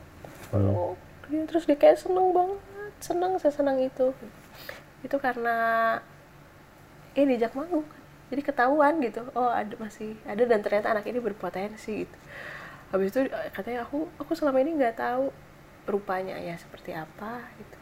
Ya mungkin ayah bangga sama anak-anaknya yang lain gitu enggak pasti ayah bangga banget sama kamu aku bilang gitu. Tadi juga semua yang standing applause bukan buat aku aku bilang buat buat apa buat buat kamu buat kalian buat buat talent apa talentnya kalian potensi kalian yang sangat luar biasa aku bilang gitu. Ya terus dia senang dia senang sekali. Oh itu kayak apa ya? Mungkin eh ya aku ngerasa Tuhan ngasih Delia untuk aku tuh untuk untuk aku bisa bangkit lagi. Tapi ternyata mungkin juga ada jalan dari Tuhan untuk ada kesempatan ini untuk Delia untuk Ya. bisa jadi ketemu lagi sama ayahnya gitu. Itu itu itu rasanya gimana ya Far nggak bisa dijelasin? Jadi apa sih sebenarnya apa tujuan kita bermusik gitu? Apa tujuan kita di dunia gitu? Gue ngerasa ya tujuan gue bermusik ternyata menjadi media aja sih. Jadi Betul. media untuk untuk menyampaikan perasaan mungkin untuk banyak hal-hal ajaib lain yang gue nggak pernah sangka sebelumnya Iya betul. Karena lu tidak merencanakan efek yang akan lu bikin dari musik iya nggak lu pernah kan. tahu Tiba-tiba ada kejadian kayak gini kan. Hmm. Satu momen di mana kayak ternyata musik gue segitunya. Iya, nggak nyangka juga sih, nggak nyangka juga. Kayak misalnya lagu Buka Hati gitu. Lagu Buka Hati gue ngerasa ya udah lagu itu kayak lagu doa gue untuk seseorang yang gue cinta gitu ya. Tapi ternyata efeknya di orang lain beda lagi gitu. Hmm. Berharap orang tuanya bisa membuka hati. Jadi ada yang kayak kalau misalnya gue rilis lagu tuh suka ada cerita-cerita gitu kan di DM atau yang di komen di YouTube. Ada yang cerita karena karena terima kasih kak karena kalau lagu buka buka hati aku jadi tergerak untuk uh, ketemu sama ayahnya juga karena dia mau nikah. Hmm. Jadi karena oh iya ya, ya semoga aja gua juga jadi buka hati, ayahnya juga bisa buka hati bahwa menerima ya anaknya sekarang mau nikah karena dia udah lama juga katanya nggak pernah Ya, ketemu. ayahnya Oke. dia akhirnya pas mereka nikah ayahnya bisa datang ke pernikahannya gitu Oh. juga kayak oh oh segitunya ya terus aku nggak pernah nggak pernah nyangka sih cuman yang kayak gitu-gitu yang bikin jadi energi ya untuk kita bisa oh kita, kita bikin lagi kita sebarkan lagi uh, hal-hal positif untuk Yeah. orang lain gitu itu sih gue nggak nyangka Ada yang bilang katanya buka hati diciptain katanya pas lu habis tahajud, bener? kalau misalnya di Instagram atau di YouTube, kak ini tuh lagu buka hati tuh lagu doa tahajud ya gitu. Eh, Sebenarnya eh, lagunya memang ada di suasana di sepertiga malam saat kita berharap Ah. Sama yang di atas agar orang yang kita sayang bisa segera membuka Hmm. hatinya untuk kita gitu. Jadi lagu ini diciptain berdua sama Tulus. Oh, Gitu. gue seneng tuh lagu itu. Buka hatimu dan buka puisi. Beda lagu. Oh, bukan. Oh, bukan. Jadi gue salah suka dong sama yang lagu. Bukan Yura. Gitu. Tapi emang lagu-lagu Yura sih emang seru sih. Buka hati yang merakit. Merakit tuh demen tuh. Yang merakit, rakit Kita kita ke hulu, merenang-renang ke tepian. Bagus banget. Gitu, Far ceritanya. gue gue selalu kagum ya sama ada efek magis yang dihasilkan oleh lagu ya. Dan setiap lagu tuh punya efek magis dari cerita yang berbeda-beda dari orang yang berbeda-beda. Gue menyangka bahwa emang musik adalah emang represent sih. Lirik musik emang represent sih lu bisa tiba-tiba relate aja sama satu penggalan lirik yang lu denger tiap Iya. hari di jalan sepelibat anjing gue banget nih Iya, iya, iya. kayak gitu. Terus ada satu di mana lu eh, apa namanya nggak suka sama musiknya, tapi ketika lu baca liriknya lu jadi jatuh hati, Iya, gitu kan. kayak gitu kan. Dan ketika lu mengemas itu, apa yang lu pikirin nih dari semuanya nih Yur untuk mengemas satu lagu dari lirik sampai musik nih, biar lu banget, biar eh, relate sama orang, atau Kalau- emang ada triknya? Kalau gue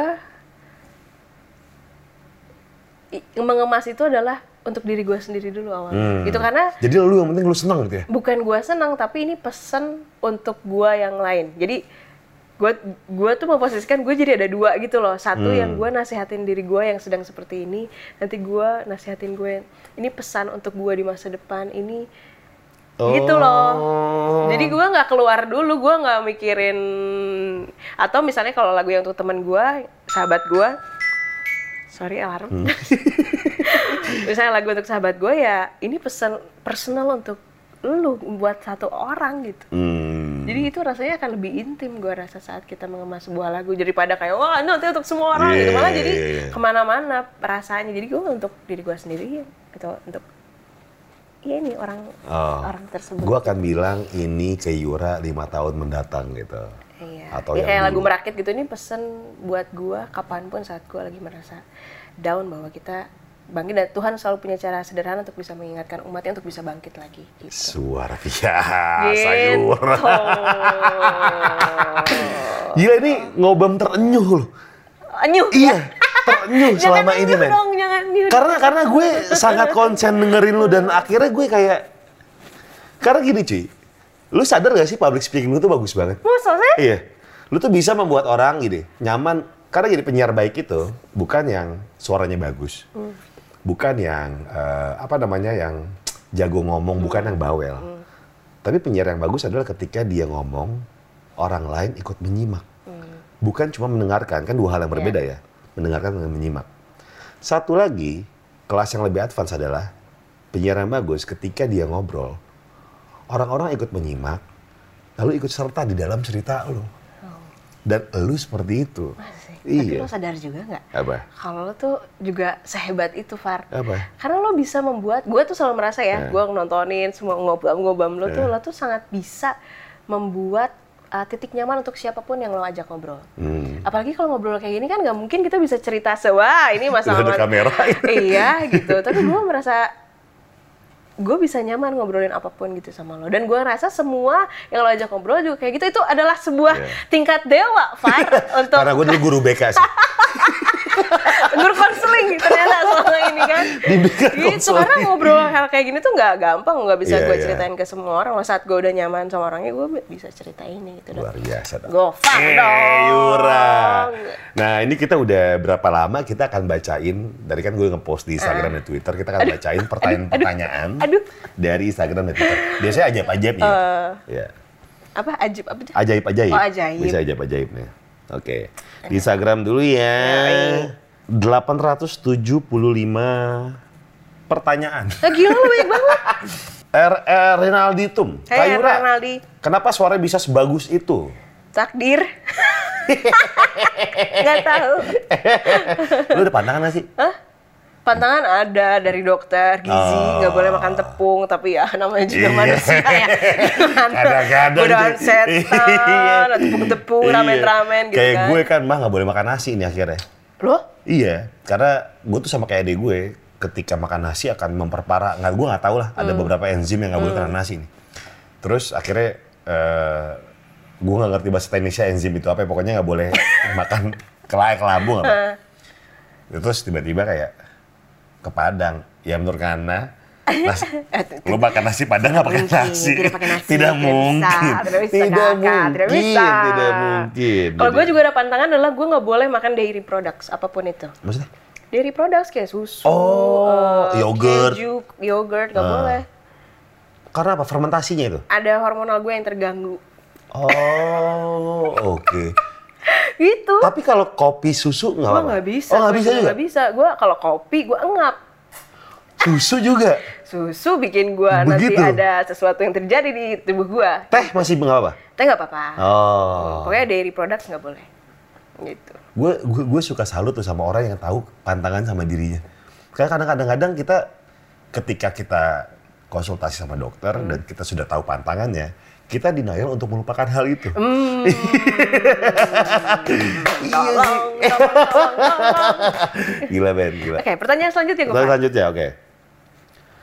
Ivan Salim apa keluarga jago nyanyi? Tadi kita udah bahas ya. keluarga aja gue. Iya, terutama Gue yang tante. paling remah-remah. ya.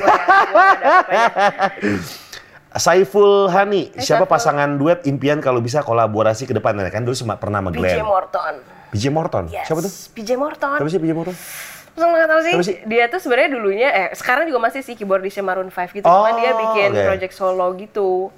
Dia Hmm. eh, seorang eh, keyboardis, eh, penyanyi juga, produser juga dan kemarin dia baru menang Grammy. Hmm. Gitu karena lagu How Deep Is Your Love. Oh, Gua how deep is your love ya gitu. I sure love how deep Iya, is your iya. love. I really Iya. need to know. Oh, itu bukannya ini yang di Jadi- remake. Ah, iya di remake. Remake, Tapi oh. hasil remake-nya menang Grammy. Itu kan lagunya Bee Gees Ini ya dulu. mungkin adalah uh, semoga teman-teman yang nonton semesta mempertemukan aku dengan PJ Morton karena aku pengen banget duet sama Tuh, dia. PJ Morton. PJ. Semoga PJ Sampai gue Morton. ngerasa ya, Far, kalau misalnya nanti gue punya suami, nanti kalau misalnya punya, suami kedua gue virtualnya adalah PJ Morton. Suami imajiner. Iya, suami virtual gue. gitu. PJ Morton tuh, dengerin PJ Morton. Kalau lo ngarep gue duet sama siapa? Gue? Hmm. Eh, gue tuh pengen elunya, elunya tuh duet sama mungkin yang eh, Di sini-sini aja. di Indonesia ya. Indonesia. Gue pengen lu sama Judika. Wow, cukup jauh ya. Iya. Nah, selain itu, Karena pertama gini, entah kenapa gue suka banget sama suara Judika, men. oh iya, wah itu wow, teknik yang Teknik gitu kan. dan dia juga apa sangat entertaining ya, Mm-mm. entertainer sejati. Iya dan gue pengen ketika ada suara suara yang powerful banget, sama kan kalau Yura kan eh, karakternya adalah yang bergelombang, apa sih bilangnya? Kalau bahasa musiknya, Bergelombang? Iya yang lalalala gitu-gitu, sama yang kadang-kadang membisik kan Oh. nyanyi gitu. Gitu ya. Iya. apa kabar semua penonton?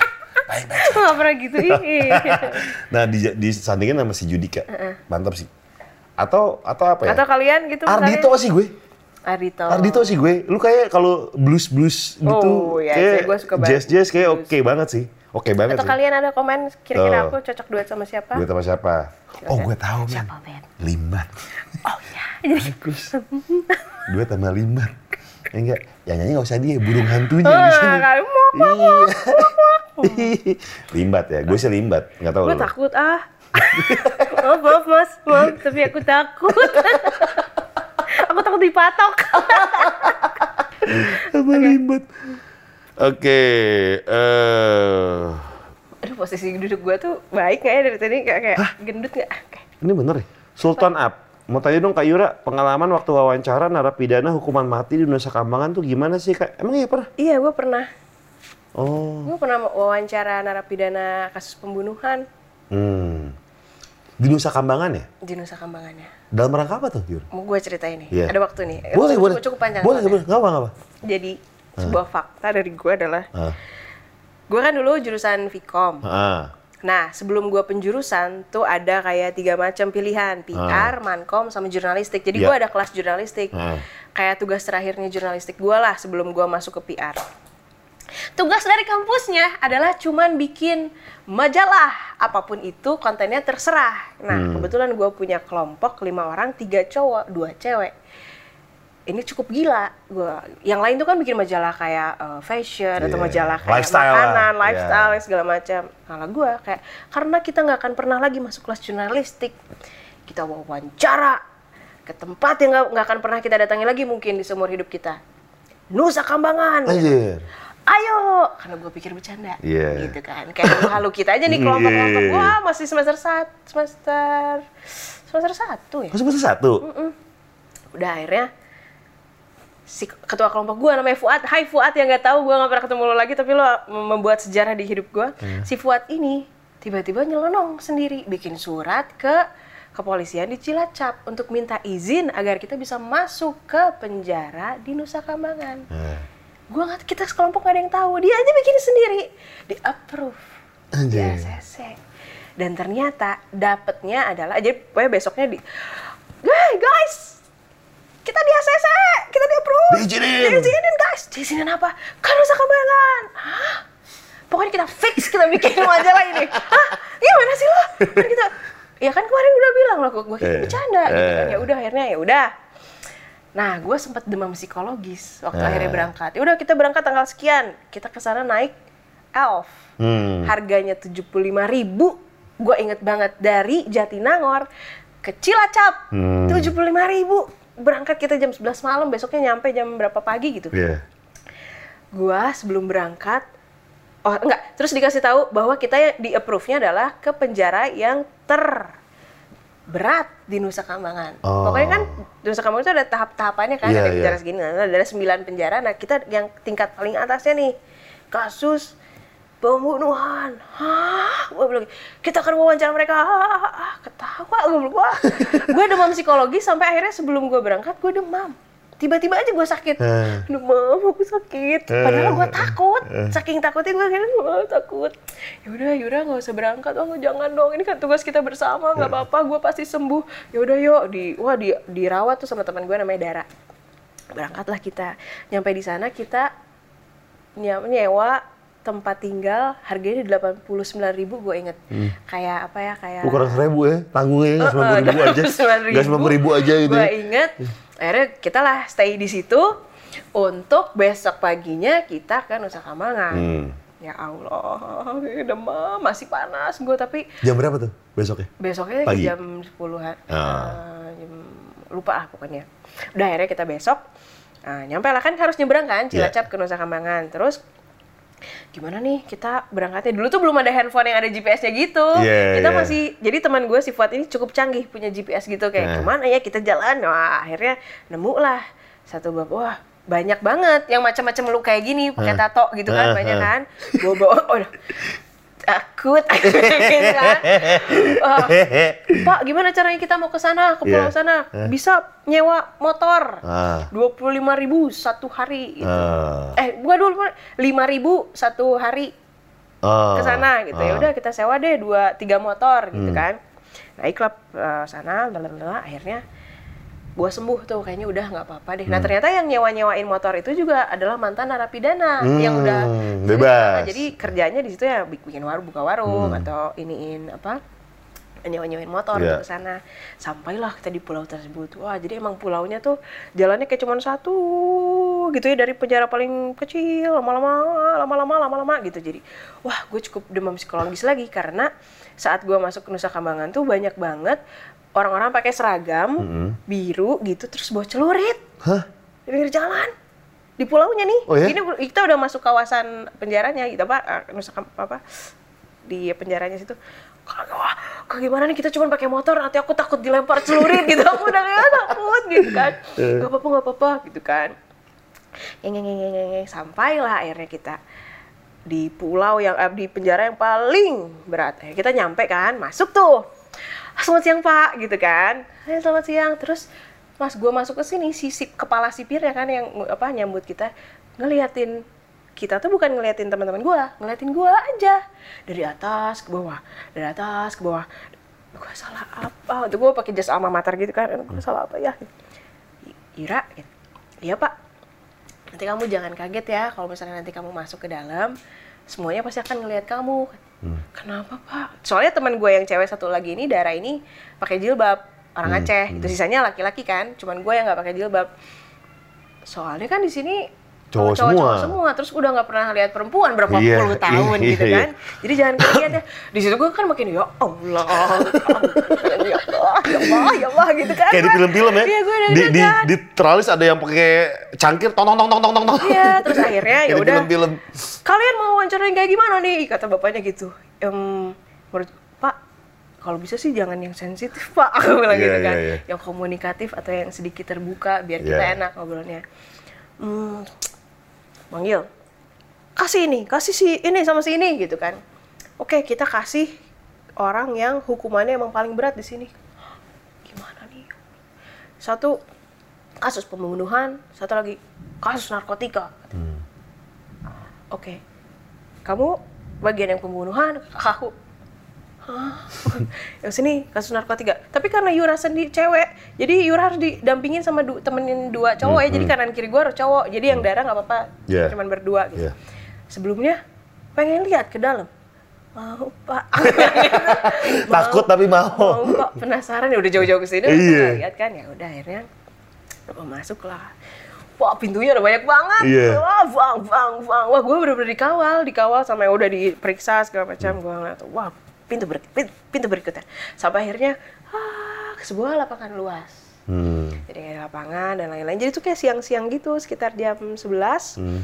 Gue ngebayangin gue yang lagi bengong, yang lagi apa gitu Hmm. main bola, main basket, ada lapangan basket. Tapi di, di ada jaring-jaringnya gitu. Beneran Far, saat gue masuk ke situ langsung Wuk, ngeliat ngeliat gue. Hmm. Allah Akbar. Bilang gitu kan. Aduh, aduh gimana nih? Aduh, gue bilang gitu. Cukup mas, saya mau masuk lagi. gue takut.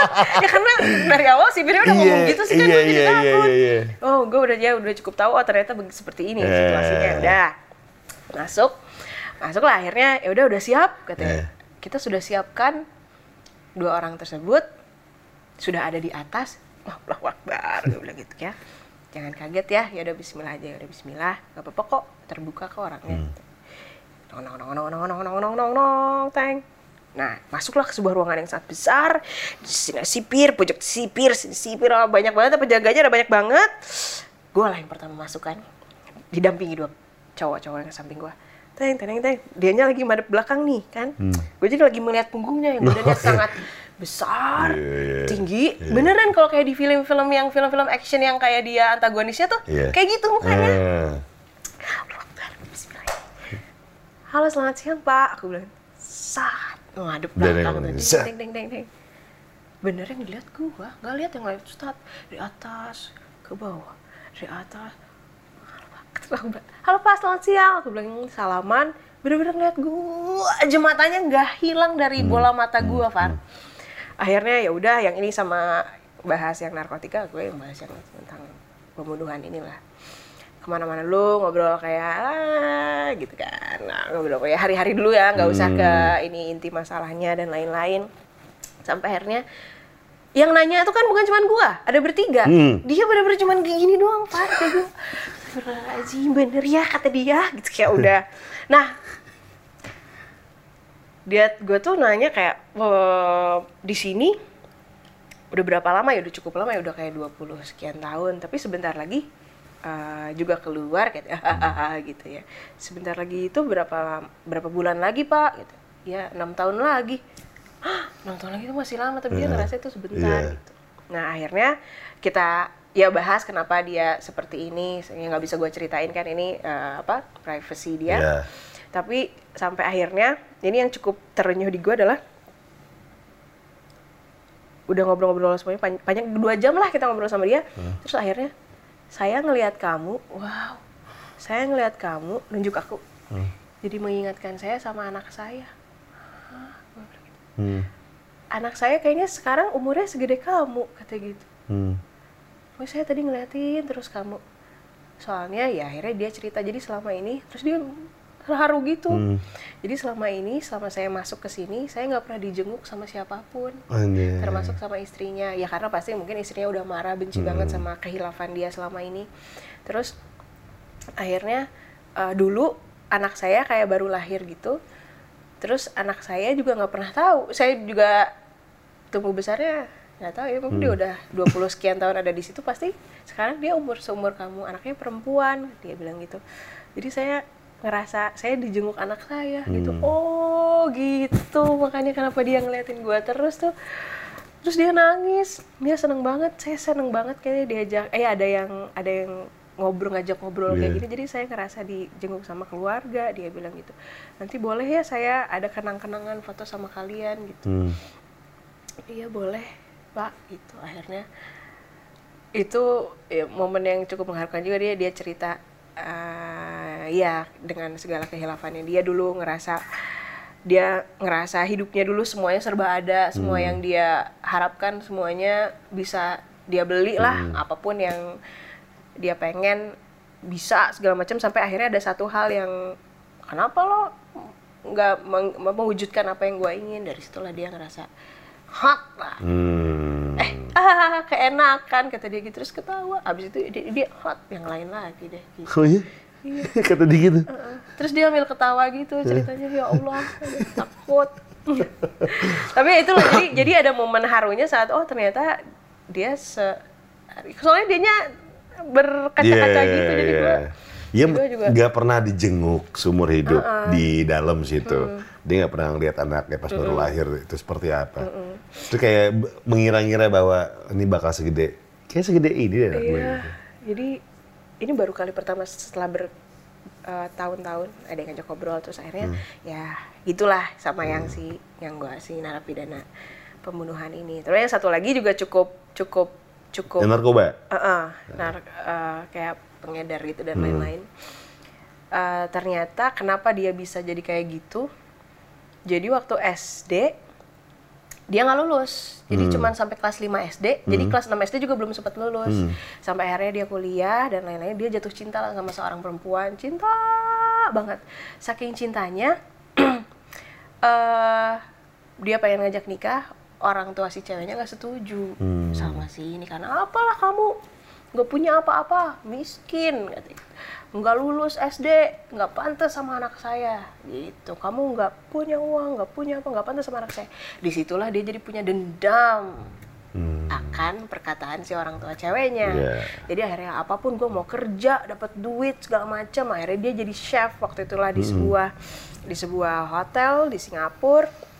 Oh, jadi chef segala macam sampai akhirnya adalah godaan jual beli one-one nah, nah, nah, nah, gitu lah katanya oh, penghasilan saya sehari bisa 750 juta Anjay. gitu dia mengerjakan itu hanya untuk bisa membuktikan kepada orang tua Iya. cewek yang dia sangat cintai tersebut tapi ternyata caranya salah Hmm. dan akhirnya masuklah ke situ gitu jadi makanya jangan buat orang tua orang tua di mana pun ya jangan kejam-kejam banget kali ya perkataannya sama orang Ya setuju sekali. gitu itulah salah satu pengalaman gue dan akhirnya dia juga nah kalau yang ini tuh dihukum seumur hidup gitu dihukum Yang mana? mati, Yang- yang si narkotika itu Oh, jadi oke. katanya eh, kalau di sana tuh bisa kapan aja di hukum, Uh-uh. eksekusi gitu. uh-uh, bisa kayak kapan aja tiba-tiba hari Jumat gitu ada dia ya dia yang cerita ya gue juga gak tau bener gak tau gak sih nih hari Jumat tiba-tiba dikumpulin di lapangan ya bisa ditutup door gitu bisa Hmm. jadi kayak gitu. Jadi ya udah apalagi sih yang dicari gitu. Sekarang saya mau udah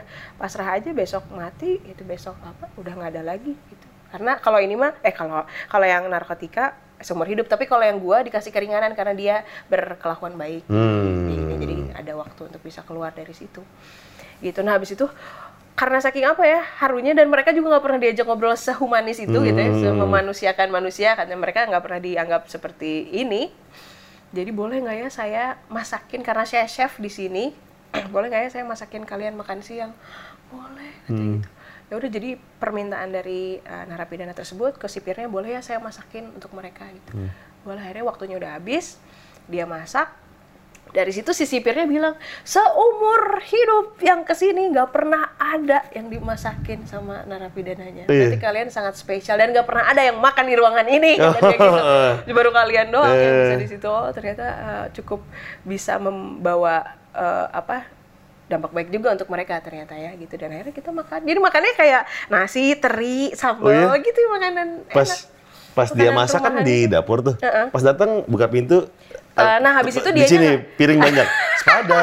padang Sudah nasi jadi. padang gitu. nasi padang gitu ya habis itu akhirnya kita makan di situ dan itu jadi momen pengalaman yang nggak pernah gue lupa seumur hidup juga Iya. karena ya kapan lagi gue juga kayaknya nggak mungkin lagi ke situ kali Ke ya situ lagi gitu. Heeh, cuman uh, akhirnya oh mereka juga pernah membuat kesalahan dan mengakui kesalahannya dan sekarang ya udah tinggal berperilaku baik aja Iya. Dan memohon maaf atas segala apa yang udah mereka lakukan Hmm. selama ini gitu haru-haru sih sebenarnya ceritanya ini panjang banget sih cerita waktu di sana itu salah satunya yang bisa gue ceritain gitu Oh, itu dari Instagram ya. Kita nggak bacain semua karena banyak banget. oh, ada yang bilang duet lagi dong sama Nadine dari Pinacu. ya mudah-mudahan bisa terjadi dalam waktu dekat Oh, ada yang bilang bagus Kak Yura, gimana caranya naikin mood versi Kak Yura dong? Naikin mood versi gue makan makanan pedas udah gampang Gampang. iya Oke, sekarang dari Twitter. ya dari Twitter Di Twitter itu ada 517 pertanyaan. banyak banget Ada yang eh kepanjangan nggak sih tadi cerita gue yang enggak, nggak nggak ya enggak, Oke. enggak, enggak. Gue tuh bebas di sini, mau tiga jam, mau dua jam terserah. Astagfirullah Hair care rutinnya apa nih? Dari random banget di Twitter. hair care rutin gue keramas dua hari sekali yang adalah wajib pakai conditioner dan gue pakai head and shoulders Hmm. gue dari dulu pakai head and shoulders wajib conditioner dan nggak ada yang lain-lain. Oh, lu skincarean nggak sih? Skincare lah, Skincarean? skincare. Yang bertahap itu nggak sih? Iya. Yang sampai 10 tahap gitu? Oh, enggak, enggak enggak, sampai gitu sih. Oh. Iya, skincare secukupnya aja. Toner, daily cream, uh, daily cream elite untuk uh, leher, terus juga sunscreen, jangan lupa serum juga ada, toner dari Aesop gue pakai. Wah, jadi gitu. Oke. Sampo apa udah tuh? Shampoo Head and Shoulders. Mangku negara Kayura boleh nyinden nggak sih? Tung tung lengkah kening bet peri Du Du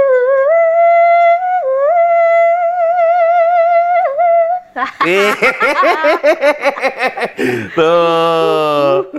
Tuh. Takut nggak lo denger gue nyanyi? Apa? Teman-teman gue suka takut kalau gue nyanyi. Ada yang datang. Lagu Sunda sama Jawa tuh dalam momen-momen tertentu tuh bisa bisa sangat klinik loh. Iya, sangat Iya. magis juga terasa. Iya, gokil sih. Gitu. Oke. Lagu yang judulnya berawal dari WhatsApp terinspirasi dari mana? Berawal dari WhatsApp, berakhir satu atap. Weh. Terinspirasi dari kakak gelas, kakak gelas, kakak kelas gue waktu gue SMA. Itu lagu pertama yang gue ciptain. Oh. kelas 1 SMA gitu gue eh biasa lah ya remaja lagi Hmm. suka banget sama kakak kelas. Oh, manis ya. Pulang sekolah gue bikin jadi deh. Ternyata waktu itu cuman gue simpen di Notes gitu. uh, notes. Eh, lima tahun kemudian saat gue mau rilis album itu jadi album. Masuk di album Gokil. pertama. Berawal dari tatap. Gitu. Nggak tahu sekarang dia ke mana kakak kelas itu udah nggak pernah ketemu lagi Oh gitu? Instagram aja gue nggak tahu Kayak masuk Nusa Kambangan deh. Jangan-jangan yang diwawancara. yang diwawancara. Iya, gue wawancara. Makanya ngeliatin lu terus. Kayak kenal. Iya. Oke. Oke. Kalau kalau batuk gitu ya. Iya cuy. Ngambil dulu ancang-ancang. Oh, ancang-ancang. Kayak kakek-kakek. ya. Banyak. Oke. Di antara dari Anas personal, di antara beberapa penyanyi solo saat ini, awalnya bisa masuk industri ma- major label itu gimana? Emang sekarang pakai major? ya? Gua, gua nggak major dari Masih awal. Ayura gue kan? independen ya. Ayura itu kan? Iya. Masih di situ kan? Betul. Dari awal gue independen. Distribusi?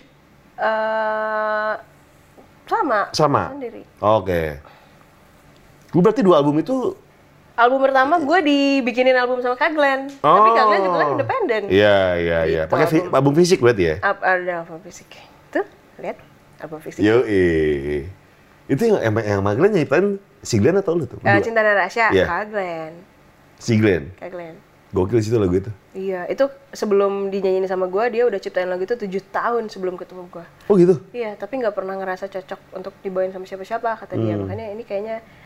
Lagu, nih. lagu itu adalah jodoh. Nah, kata Lagu- dia itu. Nah, ah, jadi ini jodohnya kita nyanyiin berdua. Memang keren banget nih Glenn Alinsky ya. Iya.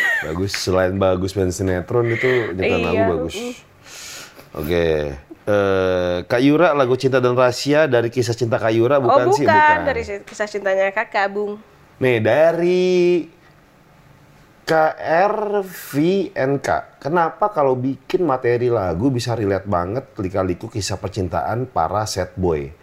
Oh, sad boy malah ya lo Pa- boy. Pada ke cowok, bukan ke cewek. Oh. Apakah emang benar? Eh, kenapa ya bisa relate banget? Ya, sama cowok-cowok katanya sad boy. Emang lo relate relate ya? Hmm, memang. Eh, memang Intu- bukan intuisi relate, relate sih. Intuisi relate. Sama soalnya kejadiannya di Iya, iya. ya. Hmm. Tapi kayaknya gue ngerasa itu emang buat semua deh, cewek cowok Iya, deh. kayaknya emang menurut gue jadi lika-liku percintaan semua orang tuh pasti patternnya seperti itu, ya nggak? Hmm, Gitu ya. iya. Untuk sad boy di luar sana tuh, ya. sad boy di luar sana tuh. Gue berterima kasih kalau ternyata lagu gue mewakili Iya. kisah percintaanmu. Bener.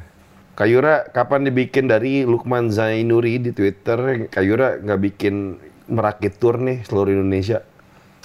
Eh baru dua Bandung Jakarta Hmm.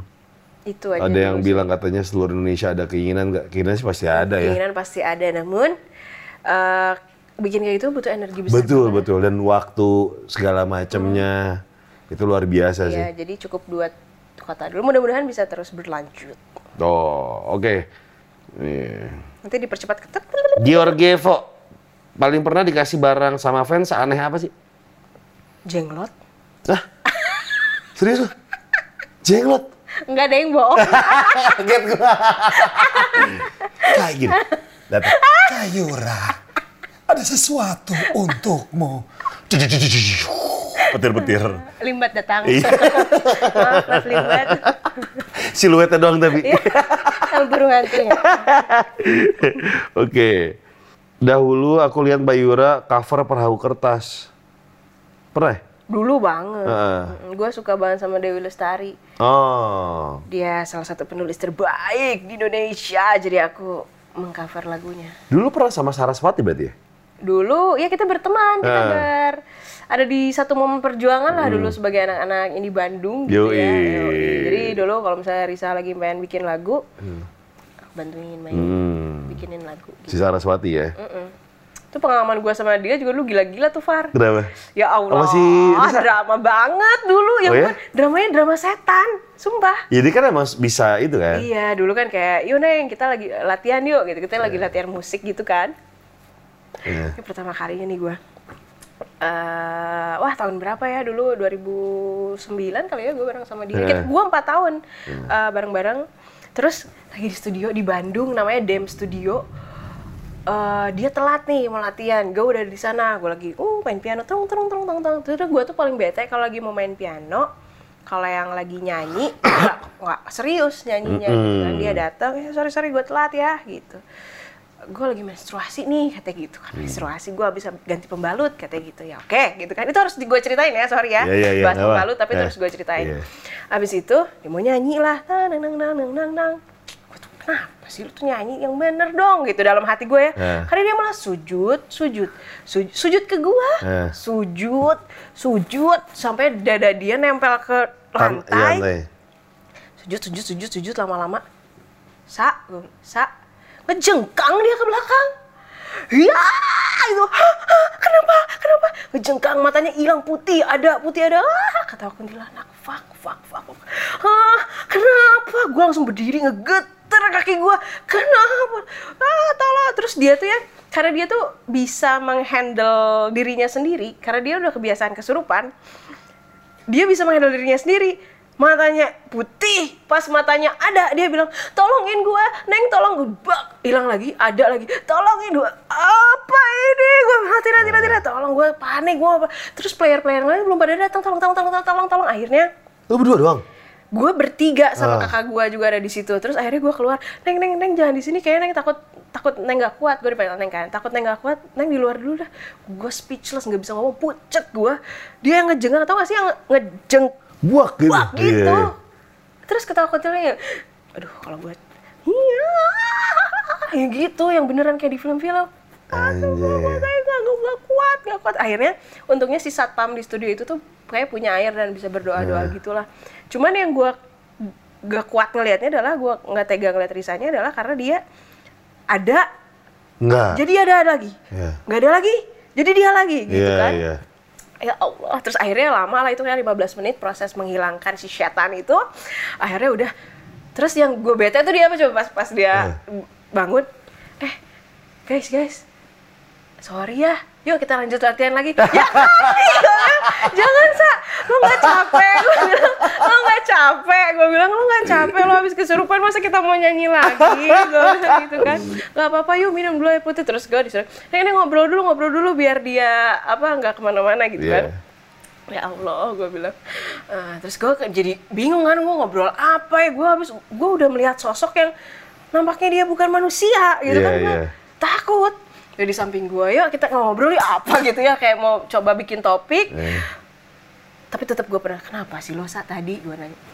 Iya neng, jadi dari tadi jalan dari Antapani dari rumah spion tuh udah ada yang ngeliatin. Di spion? Gue bilang iya di spion udah ada yang ngeliatin putih nempel hot gitu. Setan gue bilang gitu. Akhirnya nyampe di studio dan lo percaya nggak? Itu percaya nggak percaya itu adalah hari Kamis dan lagi bulan purnama dan katanya dia lagi menstruasi nggak tahu gara-gara tadi dia ganti pembalut kali di studio nggak tahu tuh hmm, makanya Keikutan gitu ya? Heeh, jadi emang si ini tuh udah ngikutin yang dari tadi. Oh gitu, gue bilang ngikutin. Nah, dan tadi pas dia lagi sujud-sujud ke gua, eh lagi sujud-sujud itu, pas gua lagi main piano, itu lagi didudukin. digencet, digencet, digencet, gencet masuk bar gitu. gue bilang gitu, iya masih ada di sini. Gitu kan? Ya siapa tahu dia masih di sini. Dia, iya dia lagi ngeliatin kita ngobrol. Wah wah jangan ya udah ya udah kita langsung ngobrolin lagi. Gitu. Udah kita pulang ya pulang pulang. Akhirnya kita nggak lanjut latihannya. Eh, gitu. Itulah cerita satu. Iya. gitu. ada lagi cerita yang lain? Banyak banget. Ya ampun banyak banget gue pengalaman sama Risa. Bener-bener apa ya? Wah tolong kayaknya kayaknya harus ngobrol sama Risa deh nih. Iya nih seru banget. Nah udah Iya, kan sama iya. Risa. Ya itu satu. Iya. Terus berikutnya waktu itu kita manggung di Malang. Nah, Di Taman Sena Putra. Gue inget banget. taman tuh ya.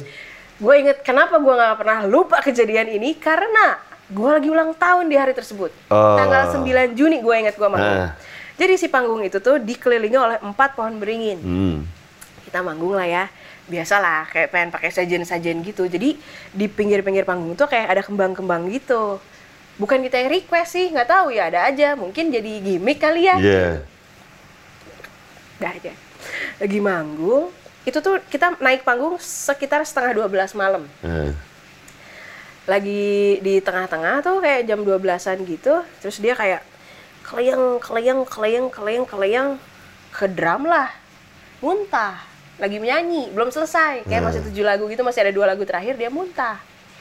Blek, blek, blek gitu kan. Ya udah lah kita back up lah ya kita nyanyi nyanyi juga nebelin nebelin si bagiannya dia. Lek lek lek terus kembali lagi. Oh sebelum dia muntah tuh dia nabur nabur bunga yang ada di depan. Nah di jadi sah gitu kan hmm. sah gitu. Nah setelah itu dia muntah blek blek gitu ke drum. Sampai akhirnya sampai lagu terakhir nggak selesai lah lagunya yang Eh. lainnya. Udah selesai aja kan. Nah itu kita manggung paling terakhir deh. Kita kita perform paling terakhir. Jadi abis itu udah nggak ada lagi. Dah habis itu kan kita langsung main. Nah, mobil nih travel kan. Bentuknya itu mobil travel. Lo tau kan mobil travel pintunya cuma satu? Betul, ada di sebelah doang. kiri. Iya. Lalu gua masuk kan cewek-cewek nih di gue bertiga gua Sheila Risa. Nah, di depan ada supir. Yang lain cowok-cowok kan beresin alat dulu kan kru Iya, dan lain-lain iya, sambil iya. nungguin kita balik. Saat nah nah sebelum itu tuh habis nyelamatin ulang tahun gue tuh sama penonton selamat ulang tahun gitu kan. Jadi wah momen yang sangat berkesan saat gue Iya. manggung dirayakan. Iya. nah pas lah setelah itulah masuklah gue ke travel. Saat gue paling pinggir pinggir kaca. Saat lalu ada Sela di tengah-tengah saat Risa masuk. Kan Risa. cuma muat tiga orang tuh di betul, kan? betul. tiba-tiba kan lagi nungguin kru lama nih. Germet germet germet kerawat kerawat kerawat kerawat kerawat sa gitu. Nangis dia.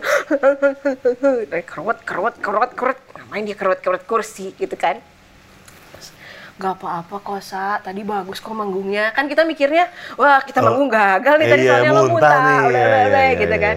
Kerawat-kerawat, oh, nggak apa-apa, Sa. Nggak apa-apa, tadi manggungnya bagus kok, gitu. Nangis lah di jam 12 lebih itu kita udah mau pulang kan. Serem gak tuh? Hmm. Wah, teriak lah. Terus langsung pakai bahasa Jawa apa bahasa Jogja atau bahasa apa gue nggak paham bahasa Jawa deh kayaknya. Apa artinya juga gue nggak paham. Setelah itu kayak pergi dari sana gitu diusir. Diusir. Jadi dia ternyata lagi keruat-keruat nangis di dalam travel kesurupan. Ya kan kita takut ya. Kayak mau keluar ya nggak bisa keluar kan pintunya cuma di sebelah gitu kan. Terus Pak Supir katanya. Pak, Pak Supir, ya pak kesurupan nih pak kesurupan waduh kata si pas waduh gimana wah pergi aja pak dari sini pergi ya supirnya panik jadi keluarlah mobilnya tapi kita kan terkunci di dalam mobil yang ada orang kesurupan. Kita nggak tahu mesti gimana takut. Terus akhirnya keluarlah. Wah waduh mbak gimana mbak? Keluarlah si taman Senang Putra itu. Iya. pas keluar eh so, so, sorrynya sorrynya orang tadi kunaonnya kesurupan! Gue bilang lo kesurupan! Gue bilang gitu. Sorry sorry sorry ya katanya. Kenapa sih? Gue bilang jadi dia udah kembali lagi pas Yeah. keluar Taman Senang Putra. Akhirnya setelah tenang dia cerita bahwa ternyata si sajen yang ditaruh kembang-kembang di situ adalah sajen. Hmm. untuk izin. Tapi harusnya nggak kita awur-awur. Sama dia diawur-awur. Jadi marah lah tuh kayaknya tipe si Hmm. Iya, kayak. Iya. satu itu. Kedua selama ada acara di Taman Sena Putra ini nggak pernah ada yang lebih di atas jam 7 malam menurut Ah. panitia lah kita berani-beraninya manggung jam setengah 12 malam sampai setengah satu pagi marah lah tuh kayaknya Iya. gitu makanya kita diusir sama si syaitan itu Eh. jadi pas udah keluar si gerbangnya sih aman katanya nggak Oh, gitu? udah nggak nggak nggak nggak ya nggak kesurupan lagi malah jadi kayak sadar dengan eh sorry sorry uh, sorry nya berang tadi gitu gitu gitu Langsung, langsung, langsung berubah gitu ya. Gitu. itu baru dua cerita gue banyak banget sama dia seru-seru semuanya Ini kayaknya harus ngobrol sama si- si Risa sih. Iya, wah itu terima kasih ya Risa sudah memberi gue gue pengalaman yang Di saat mistis. ulang tahun. Di saat ulang tahun gue waktu Iya. itu. Gak lupa gue banyak banget deh. Iya. Itu ada lagi deh yang lain-lainnya. Iya, tuh. Oh, pernah juga sama Tulus kejadian. Hah, sama Tulus? Iya, kita lagi mau manggung di Jogja Eh. di sebuah keraton gitu. Sama Risa juga? Sama Risa juga. Gitu. Kayak 15 menit sebelum manggung eh, si Tulus juga kan di belakang panggung nih. Hmm. Terus tiba-tiba si Risa berubah duduk semok gitu eh semok apa? Apa sih? Sila. Duduk, apa? Kayak gini. Apa sih namanya? Oh, sinden, sinden gitu kayak sinden. gini, Eh. terus kayak gini-gini, nyembah-nyembah gitu, nyembah-nyembah tulus gitu. Terus ngomong pakai bahasa Jawa apa gua ngerti. Hah? So, so, kenapa nih? Terus kita panik kan. Biasanya kalau kayak gitu tuh kayak Lu kan udah tahu nih kalau dia, dia aneh. Ya berarti dia kesurupan gitu Iya, kan. Gua iya. kesurupan terus sih gitu kan. Iya, iya. Terus akhirnya, eh, aduh gimana ya, pokoknya caranya adalah harus nelpon keluarganya. Karena kan ini bi- bisa disembuhin sama kakeknya gitulah. Hmm. Gue juga nggak paham, nggak ngerti. Pokoknya harus bilang, Aki punten iya gitu, si Risa gini tolong dijagain gitu. Karena tiap manggung tuh harus dijagain sama Kakinya. kakeknya. Katanya sih gitu. Terus, ya udah nelpon, ya nggak apa-apa dah aman. Terus udah, ternyata pas lagi gitu-gitu teh, udah aja selesai. Ngomong bahasa Jawa yang ternyata artinya adalah mengucapkan selamat datang menyambut selamat datang kepada kita yang mau perform di situ. Ada juga yang kayak gitu. Ada juga yang sopan ya. Ada gitu. Yang gitu. kerasukan sopan Tapi yang gitu. kenanya tuh ke tulus ngomongnya ke tulus itu ngomong bahasa Jawanya gitu. Oh. Hmm. Enggak yang terus kesurupan yang enggak, gitu. itu kesurupan, yang sopan manis, ya. eh, kesurupan yang wah Ya, diterima. di- yang manner gitu. Eh, yang manner, Iya, iya. benar-benar. Itu ada juga tuh itu Oh, di kesurup- Jogja. kesurupan manner di ya. keraton waktu itu bener bener bener bener terus ah banyak lagi deh Sumpah, banyak banget seru gue nggak Iya. pernah lupa gue seneng tapi Ini seru banget sama nih. dia Hmm. Ya apa namanya kita ngomongin dari kesurupan, kita ngomongin soal yang namanya lagu lu, jadi pengalaman-pengalaman haru, pengalaman-pengalaman yang nggak bakal si Yura uh, lupain. Dan ini mungkin ngobam lama berapa ini? Dua jam lebih. Ah? Wih. kerasa ya.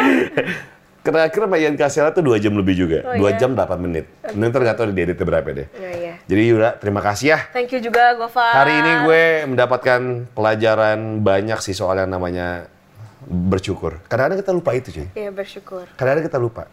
Gini, gue tuh selalu mengucapkan eh, rasa terima kasih gue. Karena doa gue tuh, kalau gue berdoa tuh, nggak tahu nih agak unik nih. Gue tuh tidak mengharapkan sesuatu, tapi cuma berterima kasih. Nah, kadang-kadang gue lupa itu cuma gue lakuin sebelum tidur doang. Iya, dan banyak hal yang memang kita wajib syukuri sih. Ya, jadi mungkin lebih peka kali ya. Iya, Kiri kanan kita. sekitar, iya. Ya. Ya itu dia lebih peka karena gue selalu percaya Tuhan selalu ngasih eh, apa eh, cara-cara sederhana untuk bisa ngikutin kita. Gitu dia. Bersyukur untuk bisa bangkit lagi, untuk maju lagi, untuk terus merakit mimpi kita. Iya. Karena sekali lagi lebih baik menjadi orang yang peka daripada orang yang PK. Terima kasih Yura Yunita sekali lagi. Dan terima kasih udah nonton ngobam kali ini ngobrol bareng musisi bareng Yura Yunita. Yep. Ya sampai jumpa di ngobam berikutnya. Jangan lupa like, subscribe, komen dan share konten ini ke teman-teman lo. Sampai jumpa di ngobam berikutnya. Bye. Salah nyimpul kejepit. Dikit aja nggak mau dikit Yura.